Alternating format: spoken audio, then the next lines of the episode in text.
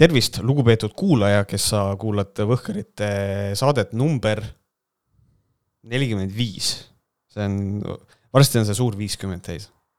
et ma loodan, et me enne tülli ei lähe. oleneb sellest, kas meie saatejuht jääb purjus peaga vahele või mitte, ilmselt, aga tere tulemast siis täna meil põnevad teemad, keda, mida, vabandust, kannavad ette ja kommenteerivad Märt Koik ja Andres Jääger. Howdy ho mina olen siis Märt ja Andres on, on seal teisel pool. Äh, kõigepealt kõige olulisemad küsimused. Äh, Andreas, kuidas läheb?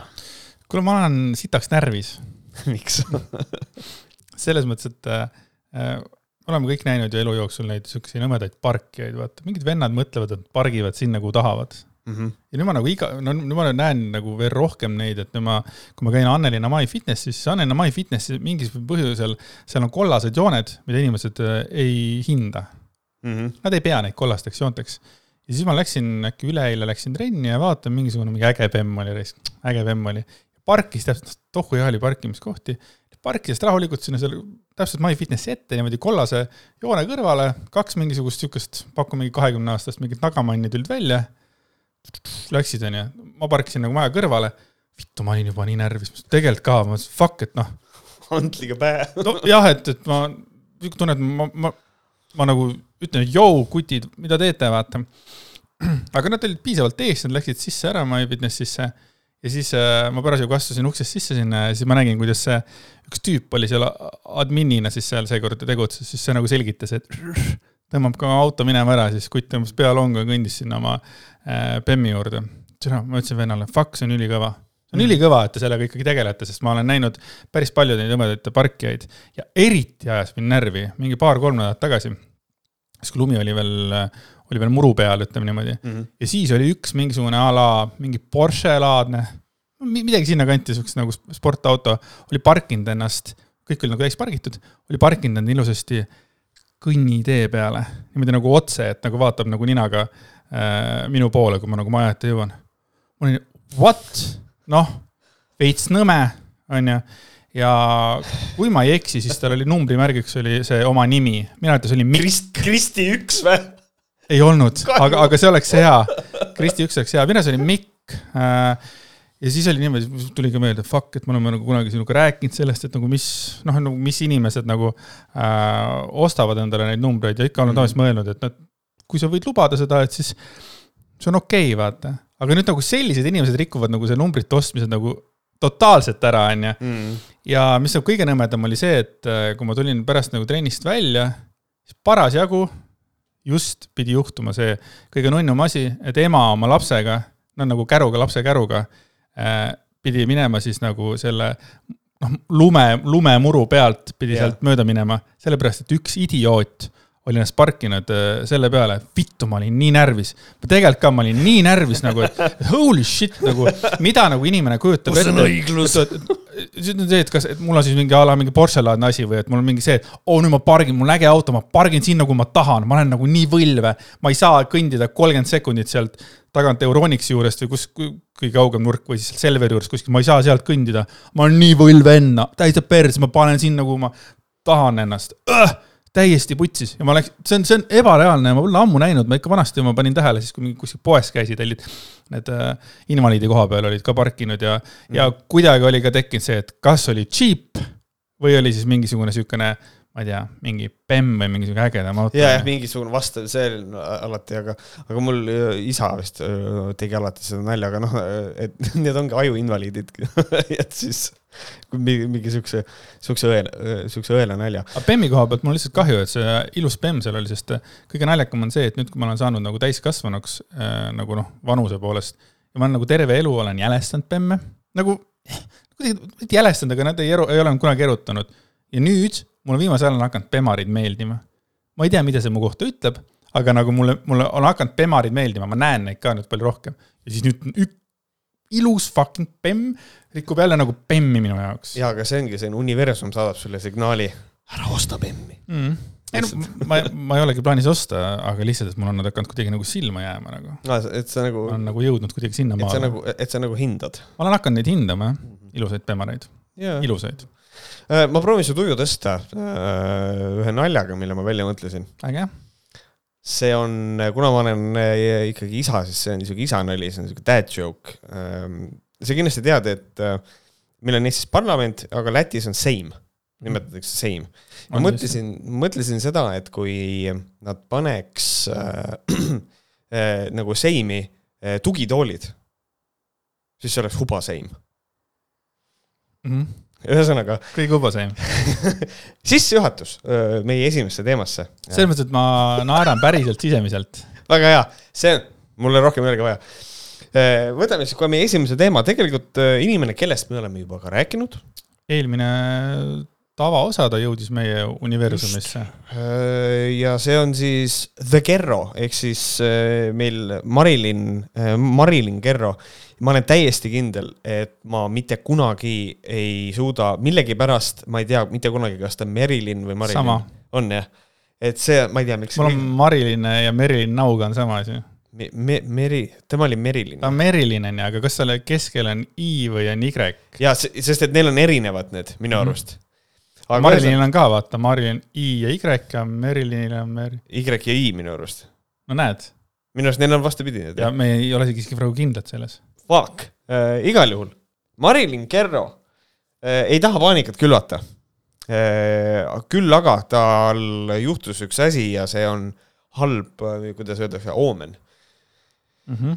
et äh, ta näeb, et Eestil on ees veekriis, aga põhjus on muidugi hästi tore, aga hakkame algusest minema siis. see, selle ma võtsin selle artikli äh, Getting Kruuse poolt kirjutatuna, siis Elu24-s oli see muide ja pealkiri oligi Veekriis, selgeltnägija Marilyn Kerro, kõhedust tekitav nägemus, ei taha paanikat külvata, aga juba noh, see peal, pealkiri on aga... nagu selline. ja algab siis see artikkel niimoodi pannes Kaja Kallasele kaarte, jõudis selgeltnägija ootamatult vee puhastamise teemani. Mul tuli mingi huvitav nägemus. ma ei ole kunagi veejooja olnud. see, kes pudelist vett joob, alustas Kerro ja rääkis sellest, et puhastab kraanivett Shungini kividega. Shungit on siis kivim, mida peaasjalikult on leitud Venemaalt. see on hästi vana, peamiselt süsinikust koosnev kivim, mis on noh, näiteks siuksed kristallimüüjad ja, ja siuksed äh, pseudoteadust armastavad inimesed äh, nagu müüvad seda šungiiti hästi äh, nagu aktiivselt igasuguseid, küll see võtab igasuguseid haiguseid ära ja küll sellega saab vett filtreerida, aga minu isiklik lemmik on see, et kui hakkas see 5G trall pihta mm, -hmm. siis oli niimoodi, et äh, siis oli Shungit väga, väga, väga teemas, sellepärast et äh, väideti seda, et Shungit eemaldab õhust 5G kiirgust äh, mis on naljakas asi, küll oli ka teisi kivimeid, mis seda teevad, aga Shungit teeb seda kõige paremini. Et ja tegelikult seda Shungiti ma vaatasin Kerro poest, minu arust osta ei saa. Kerro poest saab osta igasuguseid muid kivimeid erineva kujuga, mida ma vaatasin, kas Aliekspressis on ka. ja voodoonukke Äh, ja, ja voodoo-nukke, et Aliekspressist neid kivimeid, igasuguseid obsidiaani püramiide ma vaatasin, et tegelikult äh, äh, Kerro on ka kaval, et tal ei ole nagu kirjas äh, seda, et kui suur on see püramiid, mida ta müüb, ma vaatasin mingit äh, obsidiaani püramiidi. et tema müüb vist kolmekümne viie euroga seda ja Aliekspressis, mis ma nägin, oli üks oli kaheksa eurot, siis ma mõtlesin, et tere, see on jube suur markup aga siis ma vaatasin, et ma saan tellida ka Aliekspressis erinevas suuruses, et ühesõnaga, aga kui te tahate obsidiaanis püramiidi, ärge ostke Kerrolt, ostke seda Aliekspressist, on odavamad seal. ja täpselt selle Shungiitiga täpselt samamoodi, äh, Shungiiti saab osta veebilehelt äh, shungaitrussia.com massi, sa võid, sa saad hulgi osta seda, et siis edasi müüa. palju seal maksab see? seal ma, ise ma ei oska sulle niimoodi nagu peast öelda, aga sa saad sealt ka osta neid igasuguseid Džungiidist äh, massa-, massaažipulkasid ja kepikesi, et noh, võtame siit näiteks Džungiidist äh, mingisugune käevõru on äh, üheksa euri massaažipulk on kaheksa, püramiid on seitsme sentimeetrine on kolm eurot, ehk siis ikkagi need on suhteliselt odavad, aga no, need ongi need ongi kõik nagu sellised, kust äh, sa ostad kokku ja siis müüd kallimalt edasi, nagu meil müstikud nagu, nagu teevad. et see on Shungiidi kohta lihtsalt äh, selline huvitav ja hästi aega, ma olen nagu äh, näinud seda ka, et öeldakse, et oh, et Shungit, et noh, et see on niisugune eriline kivim. Shungit ei ole eriline kivim, ma vaatasin järgi, et seda on meil maapinnas kakssada viiskümmend gigatonni, ehk siis seda on põhimõtteliselt piiramatus koguses, et seda lollidele maha müüa. ja see peaasjalikult tuleb Venemaalt. ehk siis praeguses poliitilises kliimas ärge ostke Shungiiti. Sest et see on niisugune poliitiliselt laetud, te toetate Venemaad sellega. ma et äkki Marilyn Kerro ei müüda sellepärast, et ta ongi nii odav, sest ma vaatasin ka ja Eestis saab Shungiiti osta kaks viiskümmend on väike kivikene ja suurem kivike on viis eurot, et tegelikult see mm -hmm. nagu mhm. nothing, vaata. ja just, just, et noh, sellest Shungit äh, Russiast on ka, et kui sa tellid ainult ühe, siis on kallim, aga see ongi, see müüakse hulgiga. kui Marilyn Kerro paneks oma selle jõu sinna juurde, siis sa saaks müüa seda nagu Kirsti Timmer neid peeglikesi vaata. Ma kodus lõikan neid kive Sure, davai. see on kõva. aga Kerro ütles siis niimoodi, see on kõige parem puhastaja, Shungidi kivi kohta siis. ainuke kivi, mis on teadlaste poolt ära tõestatud. et äh, see on väga hästi nagu lausesse kokku pandud, et kõik, mina sain sellest niimoodi aru, et kõik teised kivid on täiesti välja mõeldud joorup. see on ainuke kivi, mis on teadlaste poolt ära tõestatud. graniiti ei ole olemas. graniit, see ei ole, teadlased ei ole tõestanud, et see kivi on et äh, see on nagu, mulle nagu väga, mulle väga nagu meeldib see ja ta ütleb siin edasi ka, et väidetavalt kasutatakse seda veefiltrites, et tegelikult äh, kui te guugeldate Shungidiga veefiltrit, siis tõepoolest need on olemas. ja kõikidel nendel, kes neid asju müüvad, nende hüp-, nendesse kuradi veebisaidi aadressis on kindlasti Shungit ka ära mainitud. Shungitefilters.com või .ru või midagi sellist. et Ähm, et tegelikult nagu teatav selline antibakteriaalne toime on sellel šungiidil tõepoolest, veefiltritest teda ka nagu kasutatakse, aga on palju efektiivsemaid asju kahekümne esimesel sajandil ja lihtsalt paneks inimestele nagu südamel ikkagi seda ka, et tegu on süsinikuga äh, suurelt osalt, et, äh, et noh, süsinikufiltrid on nagu thing, et see on ka sellepärast. aga lisaks sellele vett saab väga mitmete erinevate kivimitega filtreerida, so we are absolutely fine, et see on niisugune jah ma olen veits üllatunud, et sa päriselt nii sügavalt teed see Shungiiti kinni, see on kõva. sest et ma olen nii palju näinud mingeid Shungiidi jutte ja siis ma mõtlesin, et davai, teeme selle selgeks, et siis äh, võhkeritest vähemalt äh, tead, et oleks üle pika aja kas inimestel midagi meie saates kuulata äh,. tee üks asi veel selgeks kähku, pane sinna nagu iss äh,, sooneutraalne kasvatus. sa rääkisid ükskord nii hästi ja ma nagu üritasin seda leida täpselt aa, sooneutraalne kasvatus, ehk siis. mis tähendab sooneutraalne kasvatus? sooneutraalne kasvatus tähendab seda, et sa kasvatad oma, oma last eh, niimoodi, et ta ei suhtuks erinevatesse sugudesse mingisuguse eeldusega. ehk siis, kui, kui sinu laps eh, ehk siis see ei tähenda seda, see on vaja ära öelda, see ei tähenda seda, et sooneutraalne kasvatus on, mul sünnib laps, bioloogiliselt on ta meessoost, et siis ma kasvatan teda mingisuguseks androküünseks olevuseks, ei tähenda seda, ei, ma kasvatan teda kui poissi, aga ma seletan talle seda, et see, mis soost keegi on, et selle alusel ei tohi teisi inimesi diskrimineerida, selle alusel ei tohiks eh, see, kuidas ühiskond nendesse suhtub, see ei, ei, ei tohiks muutuda, et ühesõnaga, see on sooneutraalne kasvatus. et kui teil on nagu probleeme, et mingi vanem inimene, noh eeldatavasti vanemad inimesed ei saa sellest päris hästi aru või siis EKRE inimesed midagi, siis otsige see üles, see on kuskil siin kolmeteistkümnenda minuti juures, lõigake see klipp välja ja laske seda, mis asi on sööneutraalne kasvatus. sest see on tegelikult oluline asi ja, ja kui keegi minu käest küsiks, siis ma jääksin nagu hätta selgitamisega, ma hakkaksin hämisema midagi sinnakanti, aga siis, siis tuleb Märt ja paneb selle pah, ilus aitäh! tubli töö. nii, lähme tagasi kivide ja vee juurde selgeltnägija soovitab panna hommikul kivi veekannu, lasta paar tundi mõjuda ja seejärel juua. väga hästi puhastab neile, kes filtrit ei ratsi, ei ratsi osta. nii, aga nüüd alles hakkab asi minema. tead, see kivi lihtsalt seisab su kannus ja siis ta puhastab vett, davai, olgu, selge, that's nonsense, aga davai põhjus, miks selgeltnägija jõudis jutuga veeni, on nägemus sellest, et Eestit tabab veekriis. mul on selline tunne, et midagi tuleb veega ma ei ole kunagi pudelivett ostnud. ma olen mõnikord tellinud toitu koju, et kontakte vähendada, aga ma tellisin pudelivett, see pole üldse minulik. aga kui ma midagi eksprompt teen, siis see on millegi jaoks, nentis ta. Kerro olevat koju tellinud kolmkümmend pooleteist liitritist veepudelit. aga pange nüüd tähele, Kerro ütles, mul on selline tunne, et midagi tuleb veega. ma hüppan nüüd ruttu eel, eelmisse saatesse, kus äh, Kerro rääkis sellest, kuidas tema nagu need ennustused töötavad, et vahepeal, kõigepealt ta süüdistas, et kaardid valetasid, siis äh, ta ei teinud oma tööd sajaprotsendilise mm -hmm sajaprotsendiliselt ütleme. lasi, lasi luuslanki, oih. jah, ja siis, või siis luges kaarte valesti, need olid tema eelmise korra ja. ja nüüd tuleb välja, ka tema ennustustesse puu- nagu kuulub ka siis mul on tunne, et midagi tuleb veega. See on siis Eesti, mis ta on siis number üks või top kolmes äh, mingi selgeltnägija või? Kerro on vist number üks raisk, ma kujutan ette, et ta on number üks.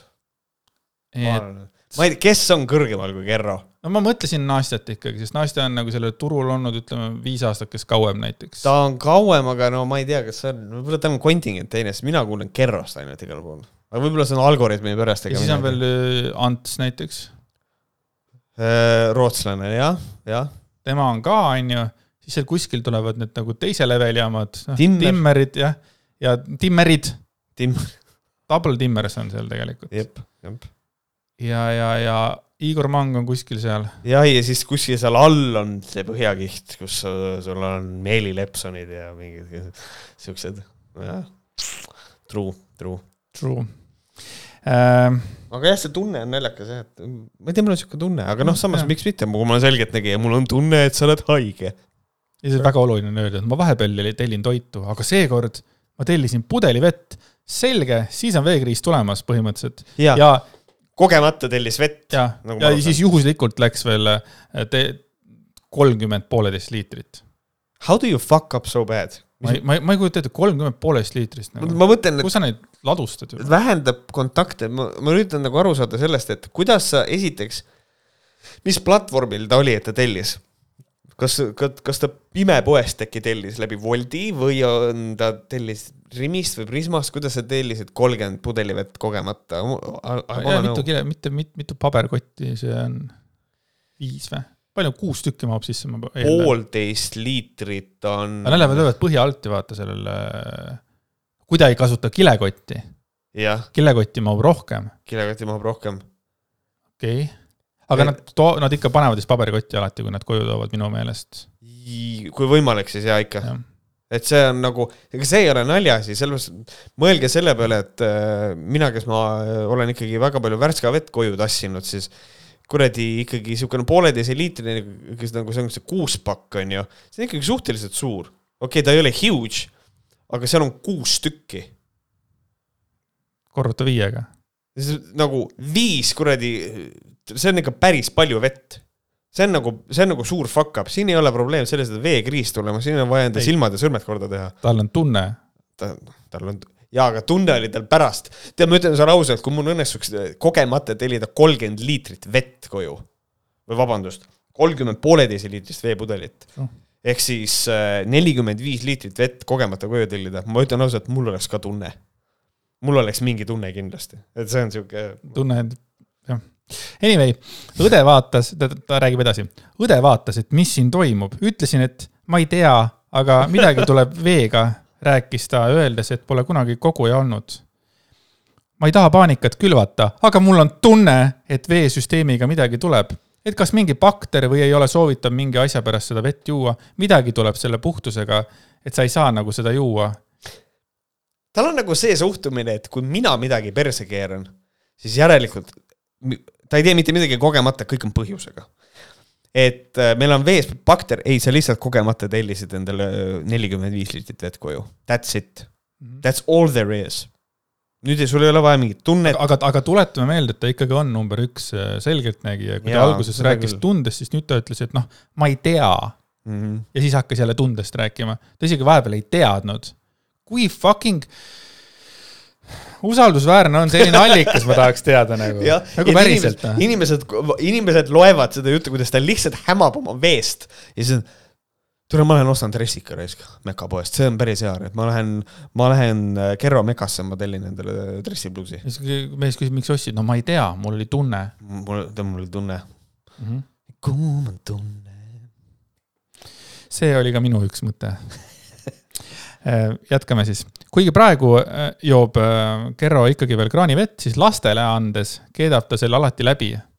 esimene küsimus mul kohe seda lauset mõeldes oli see, et miks ta seda kraanivett joob, kui ta kolmkümmend ühe, ühe koma viie liitrist ostis, nagu, nagu kas ta juba jõi selle kõik ära või ta käib vannis sellega või mida ta teeb sellega?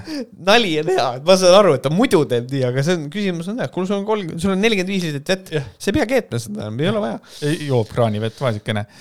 See pole üldse minulik, tunnistas Kerro.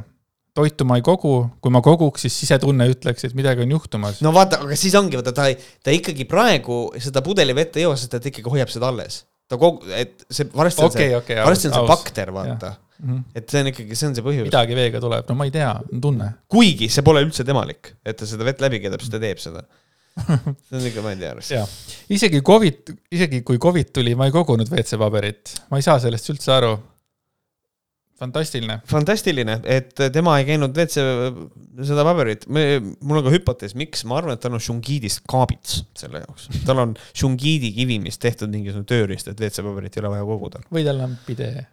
jah, või tal on, või, või, või on tal hoopis pidee, kusjuures tegelikult või ta oleks on nagu lihtsalt ise puhastuv. minu arust oleks palju nagu toredam see, kui Kero oleks kogemata tellinud endale nelikümmend viis tonni šungiiti koju ja siis ta oleks pidanud, ei jah, see tuleb šungiidiga tuleb mingi jama raisk. Venemaal on kakssada viiskümmend gigatonni maa sees, kõik on mingi, millest sa räägid, see oleks olnud fun. nelikümmend viis tonni šungiiti kuskile suure maja ette, hunnik. või kui ta oleks ostnud WC-paberit. Nelikümmend viis tonni. midagi sinnakanti. ei, mul tuli tunne, et midagi selle paberiga toimus, lõpuks Mingi- ongi niimoodi, et Marilyn Kerro pärast hakkasidki inimesed ostma, sest üks loll ostis tühjaks, vaata. mul on ja ja siis mine ja nüüd ma, ma pean tegema seda onu Heino nalja, mul on ka tunne, selle tunne nimi on see, et läheb suuremaks sittumiseks, kui ostetakse nelikümmend viis tonni WC-paberit kogemata. True. nii, selgeltnägija rõhutas, et paanikasse ei tasu minna. noh, kui sa räägid sellest, siis noh, kui sa räägid. ärge minge paanikasse, mida ma tahan öelda, on see, et ärge minge kohe kolmkümmend pudelit vett ostma, ärge minge paanikasse. aga kui see sind kõnetab, siis sa võid ikkagi varuda, mis on nagu see, et ta justkui nagu kindlustab vaata enda seljatagust, see on nagu need see on nagu Kalle Grünthal, kui ta räägib, et Ukrainas on biolaborid, siis on see, see võib olla propaganda. Aga minuni on jõudnud signaalid, et seal on need biolaborid ja siis ta räägib jumala tõsiselt sellest. et siin täpselt samamoodi, et ta nagu jätab mõlemad uksed lahti, et äh, kui nüüd tuleb välja, et meil ongi, meil on, ma ei tea, tuleb mingisugune rotaviirus, eks ole, et ärge jooge vett üldse, mis on na- naljakas, kuidas nagu siis okei okay,, selge, et Tallinnas ja Tartus korraga siis või kuidas see asi välja näeb, ei tea. et ärge jooge vett, ütleb meile Eesti Vabariigi valitsus, et siis ta saab öelda, näete, mul oli tunne. Ja siis, kui mitte midagi ei ole, siis kui küsitakse, kuule, mis värk sul selle veega oli, siis tal on nagu see, et ma ütlesin kohe, et ärge mine paanikasse. et tal on nagu mõlemad uksed avatud, et see on nagu selles mõttes, see on tal siin täiesti kas sa ei retooriline. saa aru ikkagi nagu enda sellest äh, olulisusest või siis sellest, et teda kuulatakse? kas nagu need, nagu nad ei, nad unustavad selle nagu ära või? mm. -hmm. kui nad on nagu selles mõttes sellises nagu positsioonis, nagu nad on, onju. Ja sa, sa jätsid selle lause tegelikult pooleli, tegelikult see lause oli nii, et kui see kõnetab sind, seesama tunne, siis võib-olla tõesti võid natuke varuda, aga kui sa vaatad, et sind ei puuduta, siis see võib äh, individuaalne olla.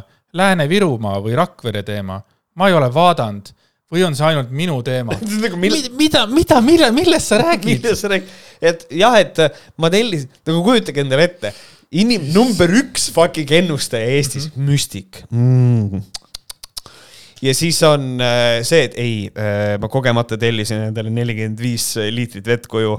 järelikult meil on veega mingi jama tulemas. ma ei taha äh, siin paanikat külvata, aga kui see tunne, mis, mis, see, mis minul on, kõnetab ka sind, siis sa võid muidugi muidugi varuda. nüüd Lääne-Virumaal Rakvere, vot seda ma ei ole vaadanud, võib-olla see on ainult minu teema.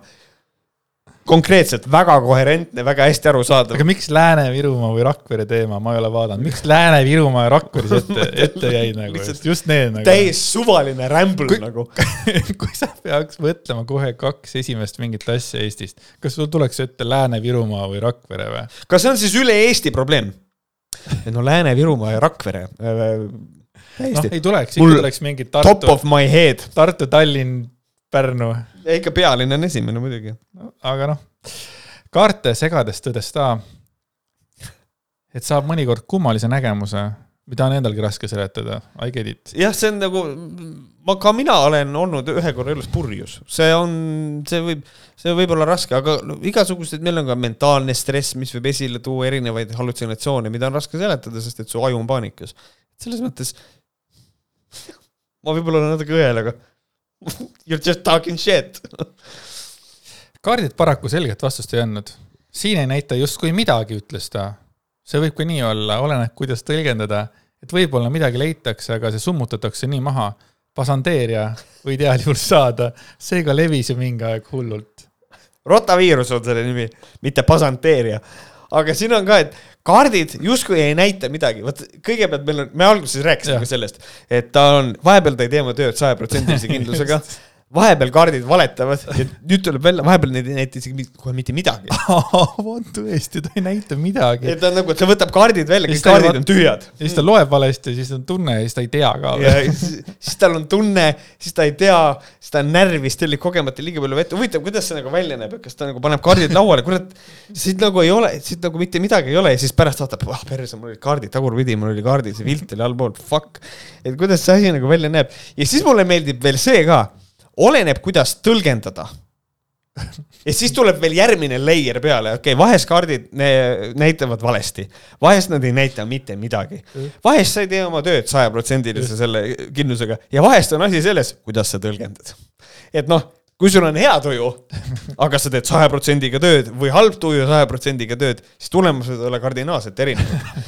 et see on ikka nagu mulle nagu meeldib see, et kui ta nagu ise räägib sellest, mida ta teeb, siis sa kuulad ja mõtled, et noh, see on ju täielik soola puhumine, sa ju räägid ise välja selle. ütle seda, et sul on niimoodi, et kaardipakk lendab sulle kodus ise kätte ja sa lihtsalt hakkad ja, ja sa näed asju. aga selle asemel, ei, kõik on nii fucking suhteline, et ei, siin on tõlgendamise küsimus. ja siis võtame, nüüd võtame veel ühe layer'i juurde, me oleme juba ära rääkinud, et kaardid vahepeal ei näita mitte midagi. ja kõik selle võib-olla midagi leitakse, aga see summutatakse nii maha, ehk siis kui meil on ühiskonnas mingisugused asjad tulevikus, mis aga täielikult summutatakse niimoodi, et ütleme, et äh, meil äh, mingisugune Illuminati teeb mingisuguse asja, kus see summutatakse ära, et siis kaardid ei näita seda või? siis on see ju täiesti mõttetu mille jaoks sa neid kaarte siis nagu, mille jaoks sa neid paned, et kas see tähendab seda, et kas kaardid ei näita näiteks seda, kui keegi on pedofiil, et näiteks kas, kas Venno Loosaarele, palju ta pani kaarte enne, kui kaardid näitasid eh!, siin on asi kahtlane, sest et Venno tegi asju salaja või? või nagu see on nagu, see, see oli nii summutatud kõik. et kas see on nagu, kuidas see kõik nagu toimib, kogu see kaardi veider. kas mu mees petab mind, vaata, keegi läheb, küsib ta käest siis ta paneb kaarte, aga kuna mees on kogu aeg seda hoidnud saladuses Saladus on... siis ta, siis, siis ta ütleb, et noh, kaardid praegu ei näita midagi, mul ei ole tunnet, ma ei tea. just, kaardid ei näe. viissada eurot, palun. minu arust minu arust ta räägib, by the way, mine minu veebipoodi. et tal on võib-olla, võib-olla tal on siin nagu see asi ka, et vaata noh, tegelikult ta kogemata siin räägib välja selle, et mida need äh, nagu müstikud tegelikult teevad, on see ka, et nad ikkagi hoiavad väga tugevalt mm, teevad mingisugust, kui neile tuleb mingi inimene, siis ta üritab teha võimalikult palju taustakontrolli, ta ikkagi guugeldab selle inimest, vaatab tema kohta mingeid detaile, et siis nagu teha seda äh, nagu seda, noh, ta tuleb sisse ja siis öeldakse, et mm, ma tunnen, et sa oled sportlik inimene, kuigi sul on fucking mingi spordiportaalis nagu kasutaja, of course, nagu ta pakub seda kohe välja. ja et, et siis ta teeb mingit taustauuringut ja samamoodi hoiab ennast poliitikaga kursis ja kõike seda, et noh, siin on tead, no see, ma selles sõjas nüüd nii kindel ei ole, aga kes teab, mul see kaarti täpselt ei näita praegu ja lisaks sellele ma ei ole sada protsenti praegu pühendunud, mul selg natuke haige ja siis nagu kuidagi nagu selle pealt, et ta ikkagi minu arust nagu räägib siin nagu selle välja, et noh, et äh, kui mingi asi on hästi, on hästi saladuses hoitud ja ma seda infot enne ei leia, siis kaardid ka ei näita, sellepärast et ma näitan kaartidele ette, mida need näitavad. et see on niisugune ühe sul, aga küll mulle meeldib see, et äh, Marilyn Kärro suur uhke müstik kasutab sõna pasanteeria, mida ma olen kuulnud siiamaani ainult ühe inimese suust ja see on mu isa. ta kasutas pasanteeria, ma olin ka alguses seganud, ma olen kuulnud kogu aeg pasanteeria. pasanteeria. aga nüüd äkki on pasanteeriaks see muutunud. see on. keele tavaline selline nagu muutumine ajas? ei, see on, äh, see on aktsendiga pasanteerija. nii, ja siis kuldsed sõnad lõppu. ühesõnaga, olge vee joomisega ettevaatlikud, keetke kasvõi läbi või pange filter, see on minu soovitus. kaardid täpsemat infot ei anna. võib-olla ei ole vaja lihtsalt teada kaardid ja järgmine layer, vahepeal kaardid lihtsalt ei ütle sulle midagi, lihtsalt nad nagu täpselt, tead, annavad poolikult. ja, ja teine asi, kas kaardid näitavad tõesti asju nii täpselt, et sa nagu istud maha, mõtled, huvitav, mis tulevik toob. sa paned kaardi maha ja võtad kaardi ja, ja kaart näitab sulle, et et keeda vesi läbi või pane filter.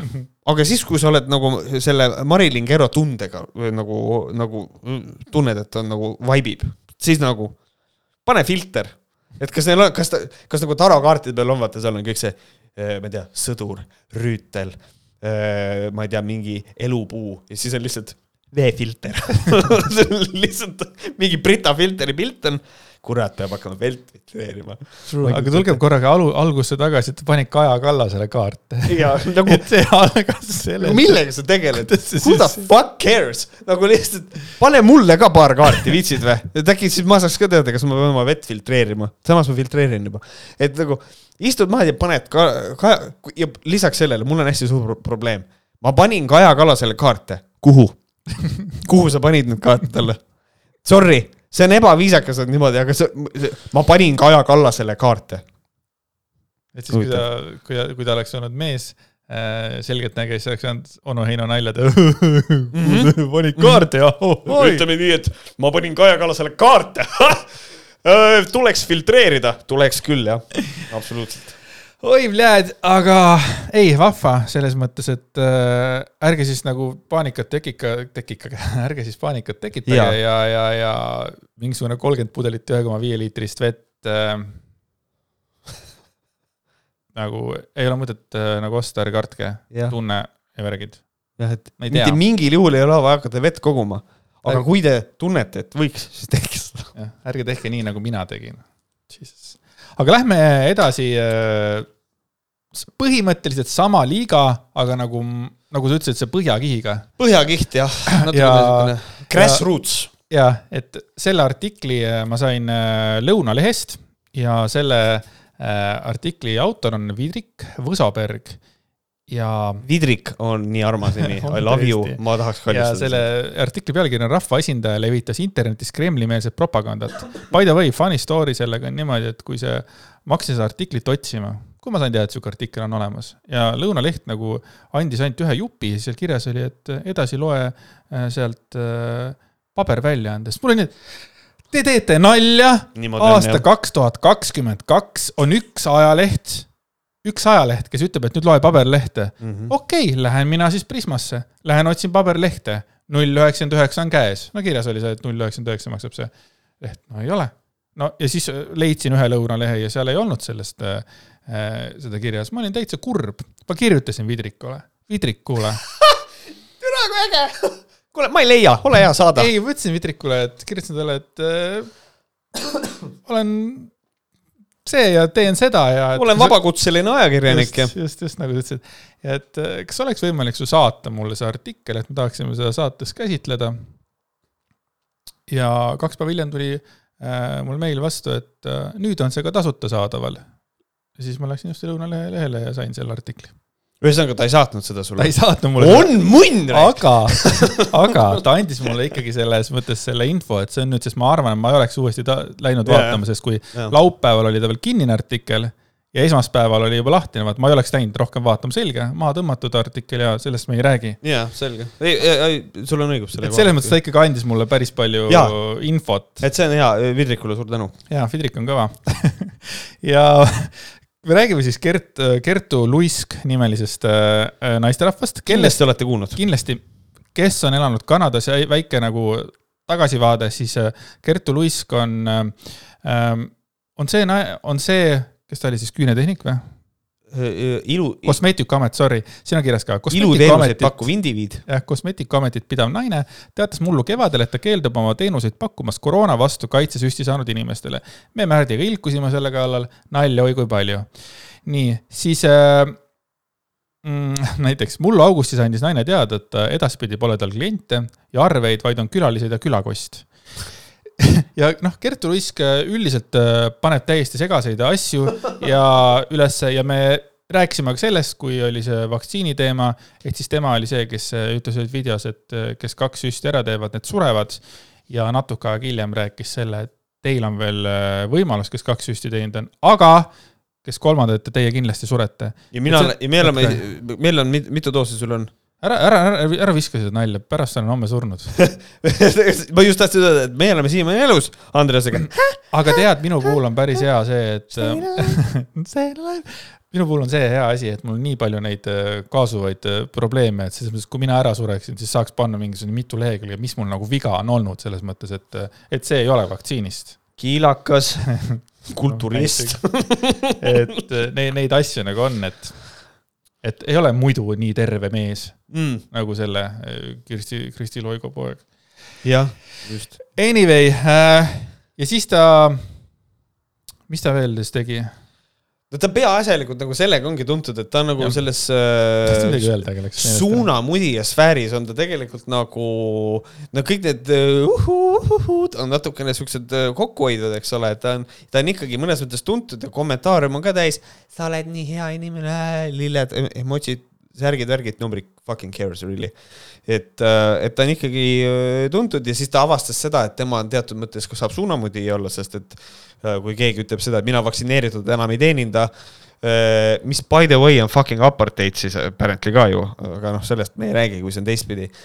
ja, ja ta ikkagi teeb Youtube'i videosid siiamaani, et, et ühesõnaga ma viimases striimis ka sellel teemal ju täitsa kõnelesin. no sinu stream oligi see, mis viis mind selle artikli otsimiseni.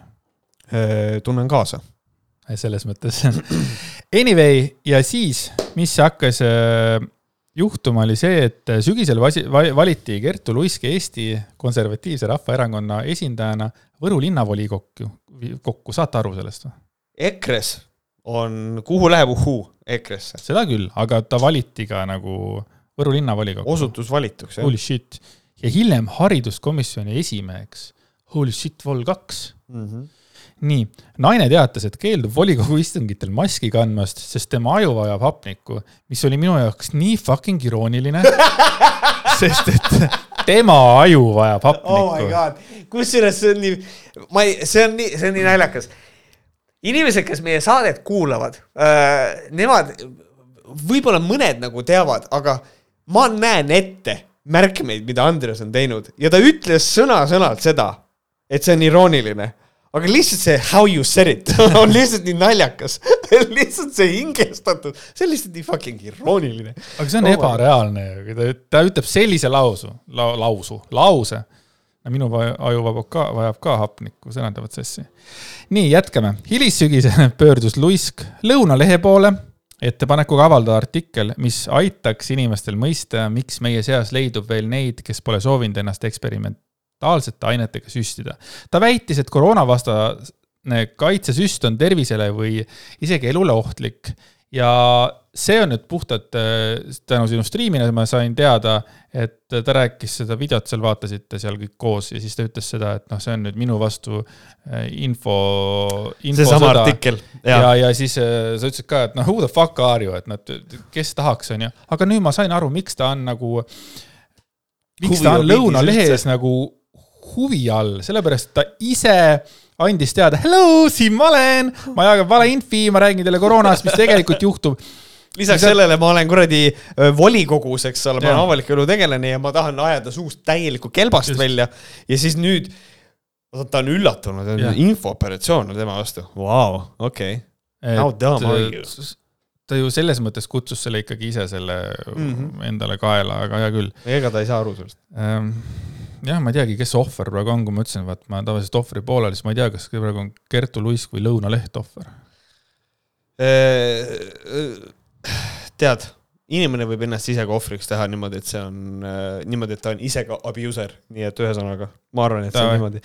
ja siin on nagu see ka, mida ma tahaks nagu tähelepanu juhtida, on sellele, et äh, ta kutsus Lõunalehte üles seda, et nad ei, ei teeks propaganda narratiivi, ei push'iks. ja mulle meeldib see, mismoodi see on, siin on lause, toimetus otsustas siiski jääda teaduspõhiste seisukohtade edastamise juurde. see on nii suur own, see on nii suur slap, et see on love it. see on lahe jah.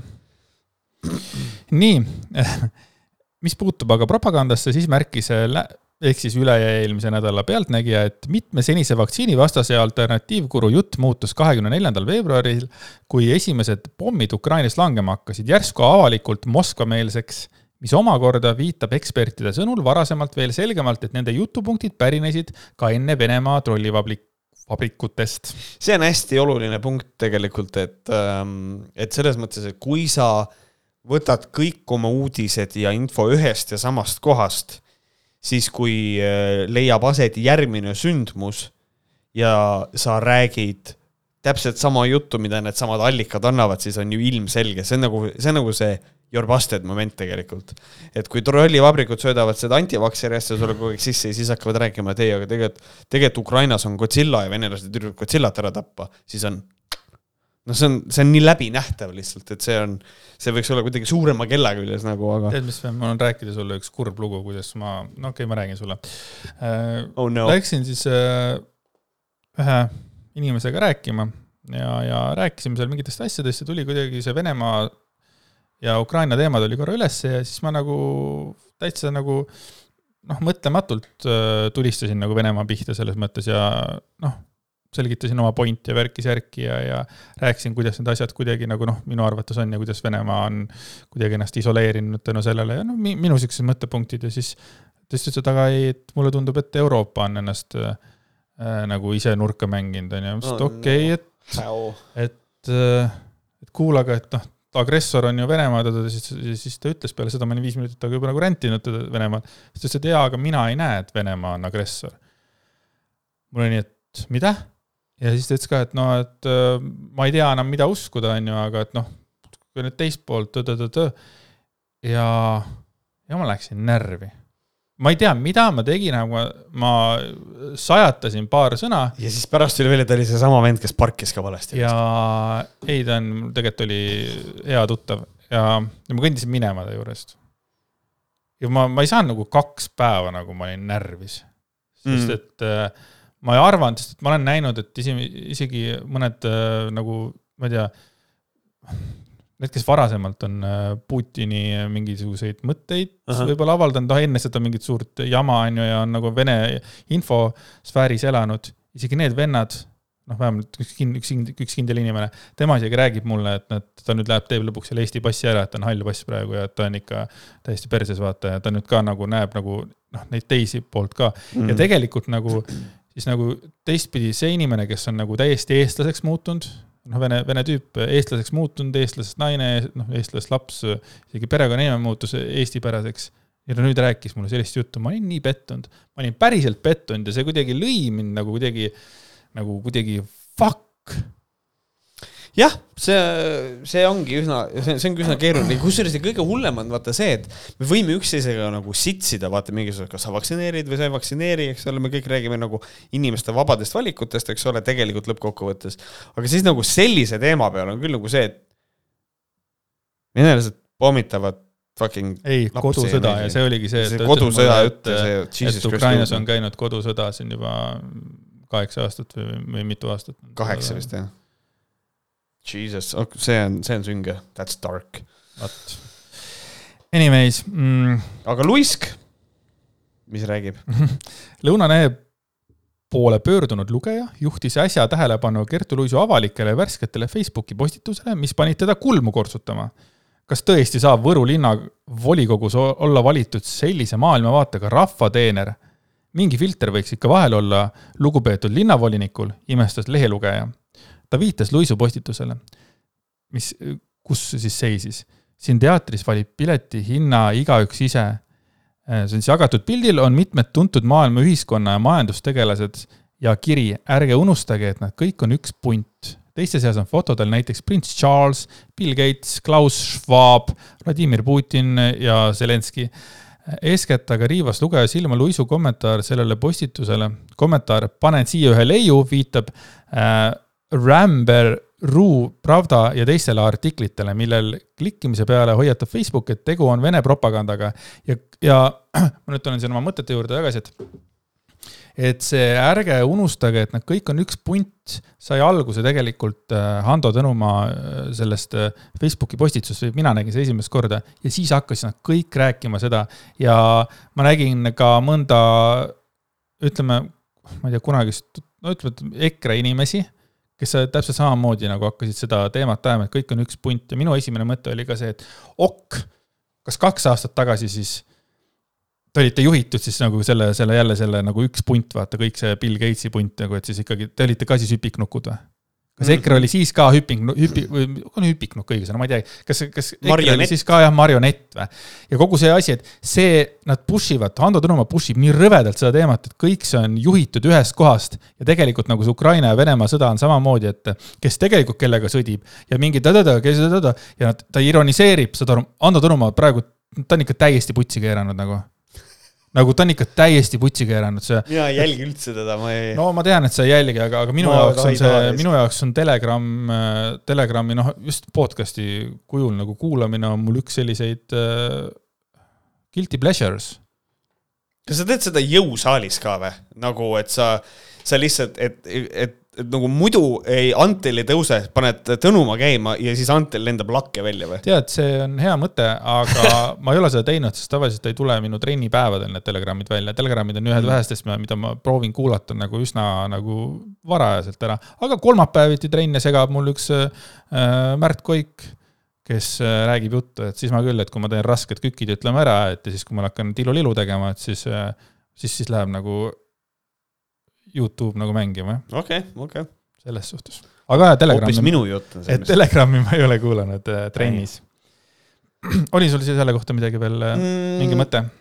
ja ma tahaks lihtsalt nagu ära mainida selle, et ähm, see, see, see kõlab nüüd hästi sellise äh, priviligeeritud inimese jutt tegelikult, aga nagu Nii. sorry, aga siin on nagu see, et ärge unustage, et nad on kõik üks punt ja siis on see, et äh, Zelinski ja Putin ja ma ei tea, siin on Bill Gates ja nad on ühe pildi peal ja, ja, ja, ja, ja, ja mida iganes. on see, et jaa, aga millest tuleb aru saada, on see, et need on inimesed, kes on oma öö, sellel redelil tõusnud öö, tippu ja, ja on olemas niisugune ütlus ka, et it's lonely at the top ja tegelikult, kui sa oled ikka tõusnud mingisugusesse koorekihti, siis need koorekihid käivadki üksteise vahel läbi ja see ei ole nagu sellepärast, et äh, et seal on, tehakse mingisuguseid musti tehinguid, vaid lihtsalt see on nii, et nad käivad üksteisega läbi. kui mina, äh, mul piisas ühe korra, äh, et ma läksin teatrikooli, tegime, liikusime Ugala teatris ringi ja järgmise asjana mind tervitasid juba kõik Ugala teatri näitlejad, kui ma nägin neid poes ja piisab sellest, et ma käisin kaks korda Draamateatri majas äh, kuskil tagaruumides ja Draamateatri näitlejad ka ikkagi juba tervitasid nagu. et selles mõttes, et see asi on hästi lihtne. kui sa mingis vallas äh, tegutsed, siis sa puutud teiste inimestega kokku rohkem, see on lihtsalt äh, kogu see suur jutt, et oh, nad on kõik ühes pundis see on, sellist juttu ajab ei literal nobody, kes istub enda kodus ja ei ole suuteline tegema rohkemat kui seda, kui ainult ette kujutama, et kõik asjad on vandenõud ja nad ei puutu päris inimestega kokku. ja see on sellepärast, ma olen täiesti veendunud, et see tuleb kõik sealt. kui sa oled mingil alal tõusnud väga kõrgele, siis sa puutudki inimestega kokku. toome, hea näide on Gordon Ramsay, kes ta on? ta on fucking kokk, aga ta on ta on mänginud Hollywoodi filmides, ta tunneb produtsente, sest et ta on teinud telesaateid. miks ta on teinud telesaateid? sest et ta on väga kuulus, väga karismaatiline kokk.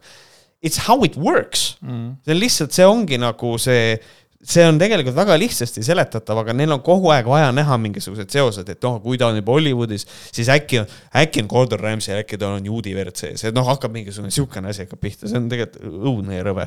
on jah.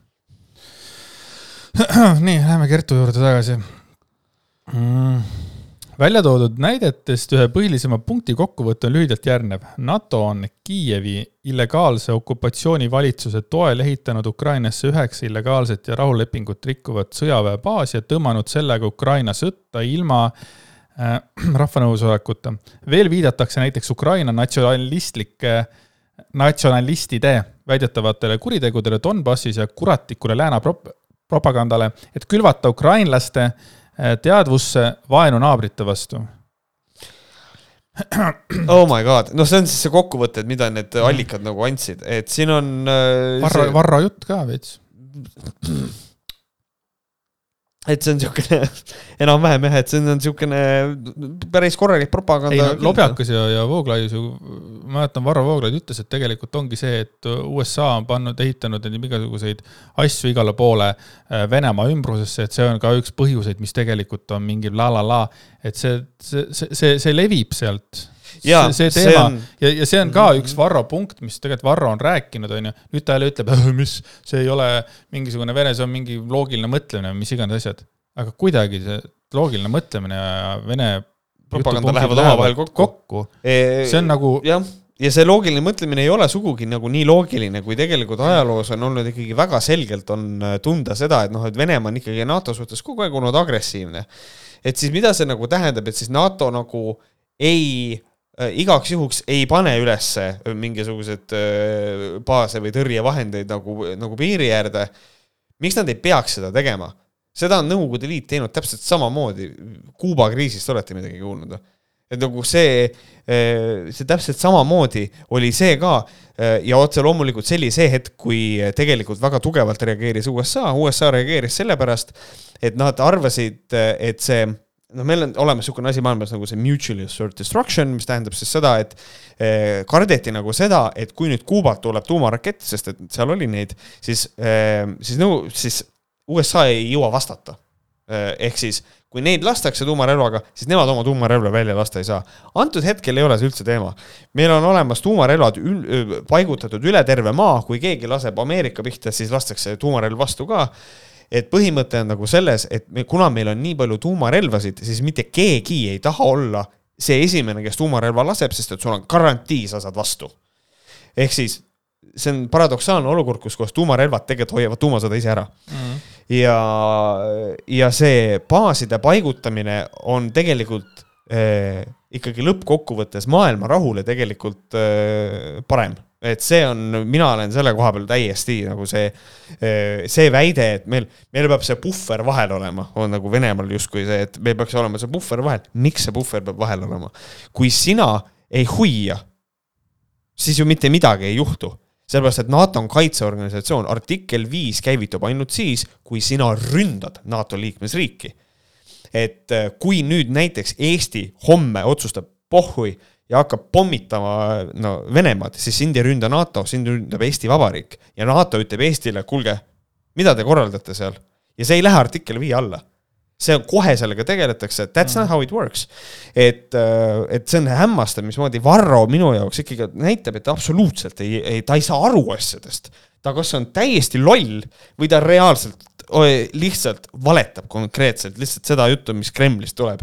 ja see on täiesti pöörane, mismoodi see mask tuleb tal üha rohkem eest ära lihtsalt, see on nii veider, ma ei, vau, vau. Mhm.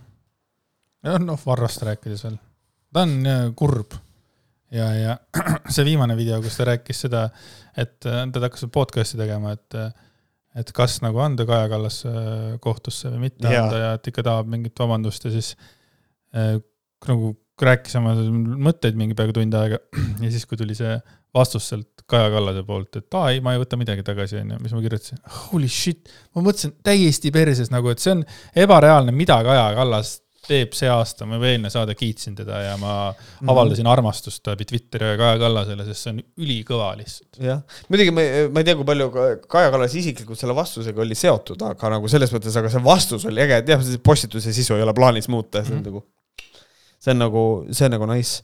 et ja siis mulle, mulle meeldib see ka, et, et Varro Vooglaid on pannud nagu eh, Jaak Madissoni isegi sellisesse positsiooni, kus kohas Jaak Madisson peab ütlema ka asju, mis on lihtsalt niimoodi, et ma vaatan, mida Jaak Madisson kirjutab ja ma olen nagu yeah, õige, õige. ehk siis Varro lihtsalt kirjutas postituse, et Pole vähimatki kahtlust, et praegusel hetkel lõikab kõige rohkem sellest olukorrast kasu sõjatööstus. mille peale siis äh, Jaak Madisson kirjutas sinna alla, et noh, pole, äh, pole vähimatki kahtlust, et kui sõidetakse autodega, siis lõikab kõige rohkem sellest kasu meil naftatööstus. ja kui pea, valutab pea ja sa võtad aspiriini, siis võtab kõige rohkem, äh, lõikab sellest kasu meditsiinitööstus.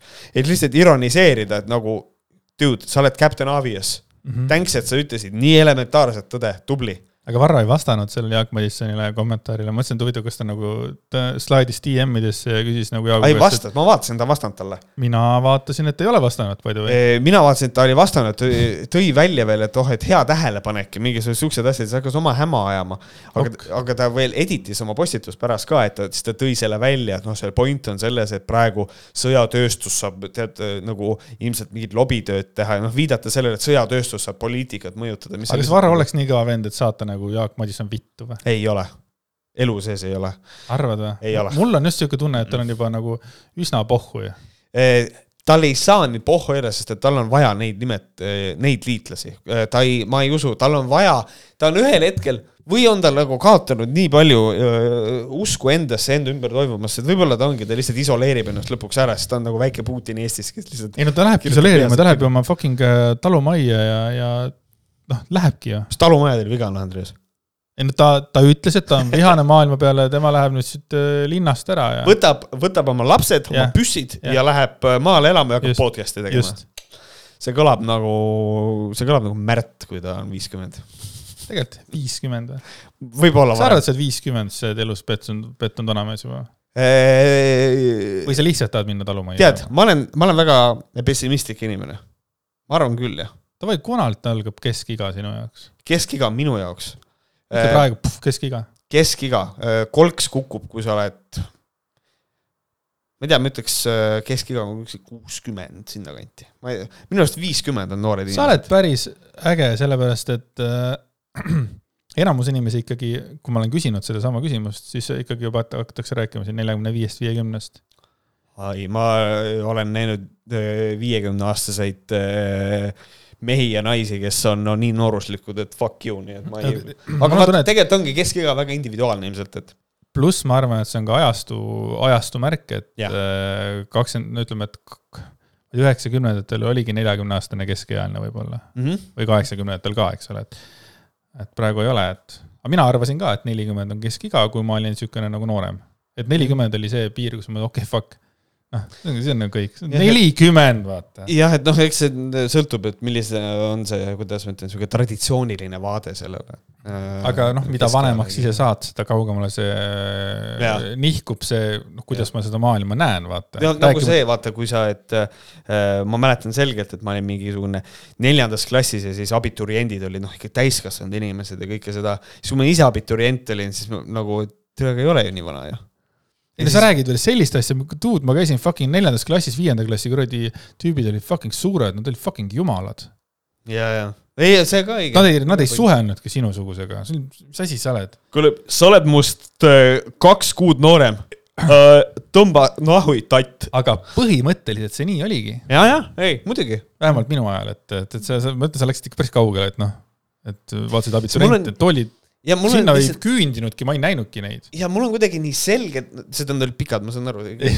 Aga- aga et mul on nii selgelt meeles, ma läksin klassist välja, ma nägin ühte abiturienti ja ta oli, no ta oli täiskasvanud inimene koolis. aga nagu mainisin siin traditsioonilisi asju, rääkides traditsioonilistest asjadest, siis äh, äh, üks teine ekrelane kommenteeris siis äh, Gert, mis see oli, Kertu või? Mhm. Kertu Luisu postitust äh,, mis ta ütles? päris debiilset soga ka ei maksaks selle üles riputada. ja see on kõige naljakam, on see, et kes seda ütles? seda ütles Peeter Saar ehk Pepe, kes on siuksest bändist nagu Hetero. ma vaatasin Heterot Youtube'ist, okei, mina ei tulnud selle peale. tal ei olnud palju muusikat seal, aga seal oli üks pikk kontsert mingi a la Võru kandlemäest või mis suvaline koht oli, aastast kaks tuhat viisteist. ma eeldan, et, et Peeter Saar on see pikkade juustega vanemat sorti härrasmees, kes laulis äh, noh, rokkmuusikat. ma eeldan. kuidas see nagu, see on nii, ma mõtlen, sest Peeter Saar on kõige nagu levinum nimi Eestis, kui ma panen otsingusse Peeter Saar, ei tule see Peeter Saare pilt, keda Mm. ma nägin sealt ansambel Heterost. vaat nüüd on nagu see probleem, et me läheme jälle Kertu Luisu juurest ära, sest et minu, ma tahan kommenteerida, sa paned oma bändi nimeks või ansambli nimeks Hetero, et nagu ja täna õhtul esineb Hetero. That's a lot of people, et nagu eh, ja kas see, ja kas see tähendab siis seda, et nüüd, kui ma olen mingisugune padusots ja siis ma pean tegema endale eh, kuradi eh,, täna õhtul kaks bändi, kõigepealt esineb hetero ja peale seda esineb homo või nagu kuidas see, kuidas see nagu välja jääb no,? no, minul on kaks mõtet sellega, esiteks on il- ilmselge see, et ansambel Hetero ei saa laulda laulu Pilvede Embuses sina ja mina.. ja teine asi, mis ma mõtlesin, on see, kui sa räägid sotsiaaldemokraadist, et kõige raskem on olla nagu heterofänn ja siis sa tahad nagu osta nagu fänni merch'i ja sa türa pead ostma endale särgi, särgi, kus on peal hetero, hetero.. Ja võib-olla sa tegelikult oled ise gei veel, sa ei või sots temma Jah. lihtsalt ei, ei, ei, see on, see on. bändi nimi. see on bändi nimi, ja, ja kuradi bändi nimi, see, keegi ei võta ja seda tõsiselt. müts, hetero, kõik asjad on hetero, vaata. aga õnneks on, vaata, kui sa ütled, kui sul on müts, tass, kõik pastakad on hetero peale kirjutatud, siis kõik ütlevad, sa oled nõme. aga, aga olgem ausad, kui on kirjutatud homo, siis tõenäoliselt saad isegi peksa. sest et meil on ühiskond selline karm. jah, ma usun küll, et Raekoja platsile võib-olla mingisugune pff, reedel peale kella kaheksat ei läheks või? mis siis saab, kui saavad omavahel kokku tänaval, ühe peal ühel on särk hetero, teisel on gei. mis, mis siis saab või, või homo, noh, mis siis saab? ei no sa võid, noh, gei võib minna küsida, kas sa ole, kas sulle meeldib ka see bänd või? sulle meeldib ka see bänd või? mulle ka. minu arust äge. Pepe on päris hea laulja. Pepe on päris äge. Pepe paneb pullilt. ja, ja kuidas see välja näeb, kas siis on niimoodi, et kuidas, selgitage mulle, kuidas on võimalik, kui sa tahad, et inimesed sind fännavad, siis kuidas ma saan fännata hetero, hetero ja samal öelda, et mulle meeldib Pepe. ma, sorry, see on, sorry, see on nii kummaline, see on, see, sorry. jaa, aga Pepel on üks suur pluss, ta ütles Kertu Luisu sita kohta See debiilsus. päris debiilset soga ei maksaks ka üles riputada, et selles mõttes on kõva. päris debiilset soga ei maksaks ka netti üles riputada, ma juba kujutan ette, kuidas sa seda Mihkel Raualikult ütled. et see on siuke nagu. aga mida Kertu Luisk ütles, et see pole minu väide, jagasin vaid infokilde, mille juures on ka allikad. see ei ole minu väide, miks sa jagad seda siis? nagu see on, sa, sa levitad informatsiooni. Kusjuures sina tegid postituse Kristi Loigole ja kõik jagasid eh, Kristi Loigo postitust. See on põhimõtteliselt sama asi võib juhtuda. inimene küsib, aga miks sa jagad seda Kristi Loigot? ma jagasin Märdi posti. ma, ma jagasin lihtsalt äh, infokilde. ja, ja, ega see on, see on, see, see on üks hästi, see on nii loll argument, et no see on nagu see, nagu vandenõuteoreetikud, ei, ma ei ütle, et see nii on, ma lihtsalt, ma lihtsalt esitan ma küsimusi. küsin küsimusi, jah. ma küsin küsimuse ja, aga sinu küsimused on kõik alati ühte suunda ja need küsimused eh, ainult ühte poolt eh, nagu seavad küsimuse ainult ühe poole peale nagu, see on nagu ei, sa täiesti selgelt levitad ühte selget narratiivi, mis on ühte poole kaldu. see ei ole see, et sa ei, ma küsin, küsin, kas küsimuste küsimine on siin riigis keelatud? küsi-, mina ütlen vastu, ei, olla idioot ei ole keelatud Eesti Vabariigi seadustes. aga miks ei ole? miks ei ole, sest me tahame, et sa tööl käiksid. aga miks sa tahad, et ma tööl käiksin? see on, vaata see laps on see miks, vaata iga asja, kohta. miks? miks? see on mul veel ees. aga mul on lapsel see periood, et ta ütleb iga asja peale, ma ei tea. Mellu, mis sa öösel unes nägid? ma ei tea. Siis hakkad nagu noh, puurima siis saad, mis te täna kodus tegite, ma ei tea. siis noh, ma tean, et ta teab, mis sa täna sõid, ma ei tea. pane effort'it sinna sisse nagu, tal on mingi asi sellega, ma ei tea ka praegu. tal on lihtsalt see, tal on praegu see faas, ta tahab, et sa pinnid võib-olla. ei, võib-olla, ei, see on. Talk to me, dad. Talk to me. ei, see on nunnu, aga tegelikult ta teab jah, tegelikult ta teab. nii äh,, siis jätkame artikliga äh,. kas te ei leia, et selle postitusega aitab Võru linnavolikogu hariduskomisjoni liige kaasa Vene propaganda levitamisele? ei, ma ei näe seda nii, sõnas Luisk. soovitan inimestel kahelda igasuguses propagandas, ükskõik, kes seda esitab ja siis äh, ärge unustage ära, et ta tegelikult ju räägib seda juttu, mida räägib Ando, mida räägib Varro. kas Jah. ta kahtleb ka fucking kunagi nendes? ma arvan, et ei kahtle, ma arvan, et see, see on, see on loll jutt, sest me oleme varem rääkinud sellest, kui sul on keegi inimene, keda sa austad või tema mõtteid oled, ma ei tea, fännanud, mis iganes, ta on sinu jaoks nagu suur kuju, siis sa ei kahtle tegelikult väga palju. jah, sul on Tee, äh, ilmselge kallutatus uskuda seda, mida ta räägib, et, et me nagu ise ikka omaenese peas apelleerime kogu aeg teiste inimeste autoriteedile ja nendele ja nende saavutustele, et noh, näiteks kui, kui inimene ütleb mulle, et tervist, et ma olen tegelikult, ma olen tegelikult kliiniline kuradi, ma tahtsin psühhopaat öelda, kliiniline psühho olen. et on psühhiaater ja ta hakkab rääkima mingisuguseid asju, isegi kui see võib vale olla, siis suurema tõenäosusega inimesed usuvad, mida ta räägib. isegi kui ta räägib täiesti kõrvalitest asjadest, nagu näiteks poliitika, Jordan Peterson. et, et see on nagu, et see on nagu selline asi, pluss ta ise levitab ühte infot ja siis see tema vabandus on see, et ei, aga tema sõnades võib ju ka kahelda. Aga noh, tegelikult ta söödab infot ette teistele inimestele, et nemad ka seda loeksid. Ja tema väga selgelt usub seda äh, vene narratiivi tegelikult, et see on see on nii loll vabandus. See nagu, see näitab minu jaoks seda, et ta tegelikult, see inimene ei ole valmis üldse oma seisukohtade nimel mingisugust debatti ka pidama, vaid tal on oma seisukoht ja iga kord, kui keegi talle viskab nagu veits vastu, siis tal on küll teha, talle tehakse liiga, küll on infooperatsioon, mul kaardid ei näita ja mida iganes, see on täpselt see olukord. True. Luisu kommentaar äh, jäi napiks, sest enda sõnul ei soovi ta lõunaleega koostööd teha. nüüd, nüüd ei soovi raisk. Oh, kuna väljaanne on levitanud koroonavastase vaktsineerimise teemal valeinfot, tahaks teada, mis on see valeinfo, võib-olla Lõunaleht nagu äh, avaldas valeinfot, ma kahtlen praegu kõiges, onju aga see on tõesti pull, et ta ei soovi Lõunalehega koostööd teha. türa sa kuradi fucking paar kuud tagasi tahtsid kirjutada või see, avaldage minu seda kuradi Jah, äh, jah. joorupit, noh. aga kust te selle info võtate uh,? Uh, uh, uh, tsensuur ja, ja hakkab pihta. True äh,. nii, EKRE Võru piirkonna juht ja volikogu EKRE fraktsiooni esimees Rain Epler ütles Lõunalehele, et tema tähelepanu juhiti luisu levitatud infole selle nädala esmaspäeval. pidasin tõsise vestluse Kertuga, ma tahaks, ma oleks väga tahtnud Jah, olla see kärbes seal seina peal ma, oleks saanud selles Zoomi kõnes osaleda. täiega. arvad, et nad olid Zoom'is või? ma loodan. ma ikka arvasin, et nad on ühes toas, võrukad äh,. Tead Ja-, Luiski ilmselt tahabki näost näkku, sest et öö, see Zoom on koroona aja mingi asi. aga samas äh, Rain Epler võib olla vaktsineeritud. sest ta oli ikkagi, True. ta võis olla üks hetk ju, tähendab, ta oligi üks hetk ju ka minister. mm. -hmm. nii, ja siis ja me kavatseme ringkonnajuhatusega veel korra temaga sel teemal vestelda, see on päris pull muidugi. ta vestles, aga ta, nad veel, mis on, nad ei jõudnud mitte kuhugi sellega. jah, ja see ja see tõenäoliselt tähendab ka seda, et, et kui nad tahavad temaga veel kokku saada, siis ilmselt siin on mingisugune, võib-olla temaga ka tehakse midagi. kas öeldakse, et kuule, ole hea, mine ära erakonnast või noh, mida iganes, et see on nagu see, et sa oled tegelikult, see on mainekahju. Mhm. kindlasti sellise info jagamine ja selliste mõtete, mõtete evimine ei ole miskit pidi aktsepteeritav. levimine ilmselt. ma mõtlesin küll levi-. mõteti evimine. mõtete evimine ei ole miskit see on see kuradi kohalik, see see Võru murrek. mõteti evimine. True. ei ole miskit pidi aktsepteeritav ja see sai ka Kertule ära öeldud. kas see postitus on maha võetud või mitte, see ei muuda asja. seisukoht on väga ühene, see pole kuidagi aktsepteeritav. Eh, kiidan öö, EKRE meest selle koha peal, ütlen väga õige, see ei ole aktsepteeritav ja mis mulle eriti meeldib, on see, et see, kas postitus on maha võetud või mitte, et see ei muuda seda asja. et kui sa, kui sa selle maha võtad, siis ikkagi, jaa, aga sa postitasid ja sa jagasid neid asju, milles probleem on? ja, ja jällegi äh, nalja, see ei ole lihtsalt naljaasi, kui äh, tõmmatakse mingisugune suvaline Kertu Luisk ringkonna juhatusega, et on vaja kohtuda, ma arvan, et sealt tuleb mingisugune suurem asi.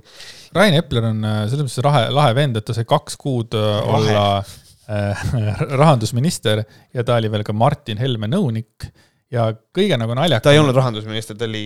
vabandust, rahandusminister Martin Helme nõunik, Jah. ta oli keskkonnaminister. jah, ma vabandan selle eksitava informatsiooni eest. nüüd on, nüüd on sinul valeinfot. Jaa.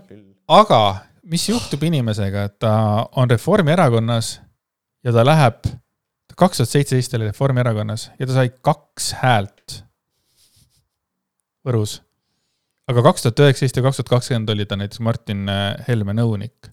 kuidas sa lähed Reformierakonnast, kui sa saad kaks häält ja sa saad fucking rahandusministri nõunikuks ja siis keskkonna fucking ministriks Politics. vot see, vot see on minu jaoks on nagu ebareaalne tegelikult. mm. -hmm. nojah. kaks häält, ta ise ja tema naine või? ma ei kujuta ette. kaks, kaks, see on ikka väga vähe. isegi mitte kolm, vaata. noh, hääletasid mu poolt või? jaa, jaa, kõik räägivad. tegelikult ei ole tema ja ema ja. nüüd ta on siis põhimõtteliselt siin fraktsiooni esimees ka, kuidagi nii, nii veider on nagu see, aga ei, ma usun, et ta on hea poiss tegelikult. ja siis nad siin äh, oligi ähm,. Nad tegid umbusaldusavalduse, jah, jah. Et siis äh, esitati, et äh, seoses sellega, et ta jagab väga kummalisi seisukohti, mis on nagu Kremli propaganda, et siis umbusaldatakse teda, sest et ta on ikkagi äh, hariduskomisjoni ja sotsiaalkomisjoni aseesimees mm. -hmm. türa et siis umbusaldatakse, tõenäoliselt tõmmatakse koha pealt ära, ta tegi video ka sellest oma Youtube'i kanalil, et mis nüüd hakkab saama. ma ei viitsinud vaadata seda, sest et audio oli nii halb, kogu see. ei, teda on raske kuulata selles mõttes, ma ükskord söötsin ka ühe video sulle ette, sa panid seda striimist käima, sa vaatasid mingi kolm minutit ja siis niimoodi, sa niimoodi sujuvalt niimoodi liikusid mõtetega edasi. mm.. et see, see on nagu niisugune krüptiline ei ole õige sõna, aga see on lihtsalt niisugune psühhootiline. jah, seal on nagu, ta kuidagi, ta on nii vabalt voolav, et ta räägib ja siis ta, ja siis ta läheb kuskile eemale, ta, ta, ta on nagu meie, kui me seda saadet teeme, me oleme äh, kaks ja pool tundi rääkinud sellest tema artiklist, me oleme jõudnud, ma ei tea, mis erinevad teemad kõik läbi käia. et see on niisugune. ei, kõva.